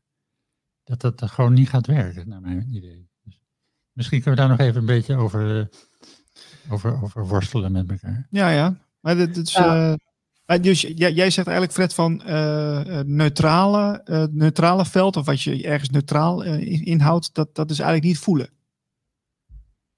Ik denk wel, ik denk dat je, dat, dat je ja, ik spreek, ik spreek voor mezelf. Ja, zeker, Van, ja. ik- niet wat anderen moeten, maar als ik dit hoor dan, en daarop reageer, zeg ik van ja, je moet, ik vind dat ik stelling moet nemen. En eh, dat ik niet uit die, dat is ook logisch, anders zou ik hier niet zitten, uit, uit die, die tegenstelling weg kan komen, want dan moet ik op de maan gaan zitten, want het is alomvattend. Ja. Eh, maar ik vind wel, en in die zin ben ik, ben ik wel met jou eens, van dat we, we moeten geen hele heftige woorden gebruiken voor onze tegenstanders bijvoorbeeld. Dat, dat is in strijd met de L van Aloha. Eh, Dus mensen hebben het er nu over, ja, dat zijn psychopaten en waarschijnlijk zijn ze dat ook op op een bepaalde manier, maar het zijn ook mensen. Ehm, en ik, ik, we moeten het eigenlijk overwinnen, dit hele, deze hele ellende, en niet onderdrukken. Wij worden nu onderdrukt. Eh, Dat willen we niet, maar we moeten dat ook met de andere kant niet willen. Dus in die zin denk, ben ik wel neutraal in, in, mijn- in mijn bewoordingen en in mijn lange termijn perspectief. Maar ik vind wel dat je stelling moet nemen dat wat er nu gebeurt niet kan. Eh, En dat je daar ook over moet uitspreken. Ja. Nee, ik, ik neem wel stelling, alleen ik doe dat niet vanuit een, een eh, oordeel, maar ik doe dat vanuit een voorkeur. Ja, Dus met een oordeel, dan zit je er heel erg op en dan, en dan maak je het eigenlijk een beetje te belangrijk. Terwijl een voorkeur, dat is veel losser, dat is veel vrijer en, dat ma- en dan neem je ook stelling. Maar dan, eh, ja, dan eh, is het gewoon een voorkeur, ja. Nou, je bent liever ergens voor dan ergens tegen. Nou, je hebt, met de voorkeur heb je ook dat je ergens tegen bent. Of tenminste, ja, dat je, je hebt de voorkeur voor wat anders. Tegenkeur heb je ook nog. Nee, maar dat, dat, er zit iets op. Die snap jouw behoedzaamheid. hè. Ik ben, ik ben heel erg fel geweest hoor, de afgelopen jaren. Van, eh, echt ook heel boos. Van, wat, wat. En ik heb nog wel hoor, dat ik, dat ik wakker word en denk, mijn god, wat, maar wat zijn ze aan het doen? Ehm, maar er is ook een stem in mij die zegt van, blijkbaar moet dit zo, omdat er iets, iets anders niet kan komen als dit niet gebeurt. Dus het, er zit altijd zin in. Ook al lijkt het nog zo zinloos. Ja, maar kijk, dat, dat is ook, ja, maar dat, dat, het heeft zeker een zin. Ik denk ook dat het zeker eh, een, een functie heeft bij heel veel mensen die, hè, die je dan slapend zou kunnen noemen. Want je hoort toch bij veel mensen eh, van, eh, ja, ja, we zijn hier toch gewoon om te genieten. Toch gewoon, toch, het is toch alleen maar heel mooi hier op aarde. Je hoeft toch, is- verder, je hoeft toch verder niks te doen, Fred? Ja, het is ook prachtig. Ja, dat meen, meen ik ook echt. Ja, ja. Sorry. Maar dat, dat, dat is dus, dat is, dat is het gewoon. Meer hoef je niet te doen. Ja, wat, wat zij allemaal doen, ja, prima, maar dat, dat doe, daar doe ik niks mee. Ja. Dat, dat is toch een beetje wegkijken. dat is het ook. Maar ja, die werkelijkheid komt toch een keer eh, langs je achterdeur naar binnen. Vroeg of laat. Vroeg of laat. En dan? Nou ja, de- de- de- wij, wij denken dat te weten, maar... Nee, maar de wereld is ook prachtig. Weet je, dat is ook het probleem met, met dat mensen dat beeld niet, niet willen eh verstoren. Ja, dat je dat niet wil laten verstoren. Nee. Dat is ook heel begrijpelijk. Maar ik denk dat, dat, dat we voor een enorme eh, uitdaging staan om te, laten, om te laten zien, praktisch te laten zien, dat de wereld die hierachter ligt, eh, ja, nog veel paradijselijker zal zijn. Absoluut, ja. ja. Snap je? En, en de eerste vormen daarvan zou je eigenlijk nu al willen zien. Die zijn er ook wel, denk ik, maar, maar nog niet, eh, niet dusdanig dat heel veel van die mensen die, die denken, ik verlies alleen maar als ik zeg van dat dit klopt. Dat die niet meer denken, ik verlies alleen maar, maar die denken, oh, maar wacht even, er komt wel wat nieuws aan. En ik win er ook een heleboel bij. Dat, dat, daar zijn we nu nog niet. Ehm, ja, we, zitten, we, we hebben nog een minuutje, minuut of vijf. Eh, ik ben nog even heel benieuwd naar jou, Fred. Want eh, jij hebt natuurlijk zo meteen een boek eh, klaar van Transitieweb. Eh, tien jaar lang een, een overzicht. Ehm, ik ben heel benieuwd. Wat, wat gaat er daarna allemaal nog gebeuren? Ja, eh, als ik terugkijk op die tien jaar, dan denk ik, er zijn twee grote lacunes, zoals ik daar nu tegenaan kijk. Dat is wat ik net al noemde, de een nieuwe sociale structuur, hoe dat eruit gaat zien. En daar wil ik mee experimenteren. Dat ben ik al tien jaar aan het doen, met eh, weinig positief effect tot nu toe. Goed, Oké. het gaat om de poging, het gaat niet om het resultaat, zeggen ze. Eh, en de, de, de tweede grote lacune vind ik dus, eh, het ja, zeg maar, de- een, een spirituele grondslag voor de hele nieuwe wereld die eraan komt. En het daar met heel veel mensen samen aan gaan werken. Dus daar, daar wil ik een, ro- een rol in spelen. Mooi. Ja. Marlijn, heb jij nog eh, een vraag? Heb jij nog een berichtje, een, een, een, een chatbericht, iets dergelijks? Eh, nee, maar ik, ik dacht dat eh, Fred nog even over zijn nieuwe boek daar iets meer over wilde vertellen nog. Nou ja, het is niet mijn nieuwe boek. Even voor alle duidelijkheid, want er staan eh, 30 auteurs in. Weet je. En ik heb wel het meeste geschreven, omdat het mijn blog is, eh, historisch. Uh, het begon in 2011 en eh, ik had toen het idee dat ik heel graag eh, een groepsblog wilde ontwikkelen. Maar dat is niet, niet van ge- gekomen tot eh, corona. Al een, of een half jaar voor corona. Toen is het blog eigenlijk een beetje ontploft van heel klein naar medium. Met nieuwe, nieuwe auteurs erin. En die staan ook gewoon in, in, in deze bundel. Ja. Met een bundel. Het is een selectie uit eh, alle artikelen. Er staan 600 artikelen op inmiddels. En een kleine 200 komen in het boek. Hoop ik. Ik moet nog met mijn compagnon praten of dat voor elkaar te fietsen is, want het wordt een pil. Eh, en ik weet misschien nog wel goed om te vertellen waarom dat gedaan is. Niet eh, om nou weer een boek de wereld in te zetten, maar eigenlijk vooral ook als om, het, om een archief te hebben. Omdat er zoveel verdampt eh, online. En ik ben lang bezig geweest met nadenken van hoe kan ik nou zorgen dat eh transitieweb in ieder geval niet verdampt. Ja, dan is dit een fantastische vorm daarvoor. Ja, het, is een, het is een mooi overzicht en de, jouw website is ook best wel ontploft vorig jaar. Hè? Er is veel nieuwe volgers bijgekomen, veel nieuwe mensen die jouw nieuwsbrief ook volgen. Eh, en het komt natuurlijk omdat jij ja, toch be- belangrijke informatie eh, hebt gedeeld de afgelopen jaren, die, eh, die toen opeens ja, veel meer onder de aandacht kwam. Ja. Dus dus dan, dan zou je kunnen zeggen van nou, dan is, is er toch een grote groep mensen ook ontwaakt en ook op een bepaald pad gezet, omdat die informatie er ook al was. Dus het, het heeft echt wel een, een, een- toch wel een hele belangrijke functie gehad. En nog steeds. Ja, het is, ook, het is in die zin wel een groepsgebeuren. Want ik ben best bevoorrecht geweest met, met informatiebronnen. Dus de, de, eh, de nulpunt energiegroep van Frank, de Breakthrough Energy Movement, de boeddhistische organisatie in Amsterdam waar ik een tijd mee gedaan heb. Dus zijn allemaal van die eh, ecodorpenbeweging waar ik ook bij betrokken ben geweest. Ja. Nog steeds. Dus allemaal, het zijn allemaal voeding, het is allemaal voedingen geweest. En dat slaat dan neer in zo'n blog. En nu dan in het boek. Prachtig. Nog even je website. Sorry? De, de, ja, transitieweb.nl. Oké. Ja, nee, dat, eh, dan is dat ook geplucht. Ja, ja, we- het- ja, het slotwoord is altijd van eh, we pluggen eventjes de site. En, eh, en eh, nou ja, social media ben je ook op te vinden. Twitter ben je op te vinden volgens mij. Ja, ik ben van LinkedIn afgeknikkerd. Ik wil ook nog wel noemen eh nieuwesamenleving.nl. Dat is een heel nieuw initiatief. Ook gewoon gericht op alle nieuwe initiatieven die nu ontstaan. Dus net de lucht in. En, eh, dat heeft mijn steun. Fantastisch. En jullie ook. dat weet. Heel fijn, heel fijn. Eh, Leuk dat je er was vandaag. We vonden het hartstikke eh, gezellig en ook belangrijk. informatie die je hebt gebracht. Ehm, ja, en mensen die hier naar kijken, abonneer alsjeblieft even op, op ons kanaal. We hebben de steun hard nodig. En we zoeken ook nog steeds programmamakers voor, voor Radio Gletscher. Dus als jij eh, ervaring hebt op radio, op televisie eh, of eh, andere soorten programma's, meld je aan via onze website. Stuur even een mailtje naar info.radiogletscher.nl.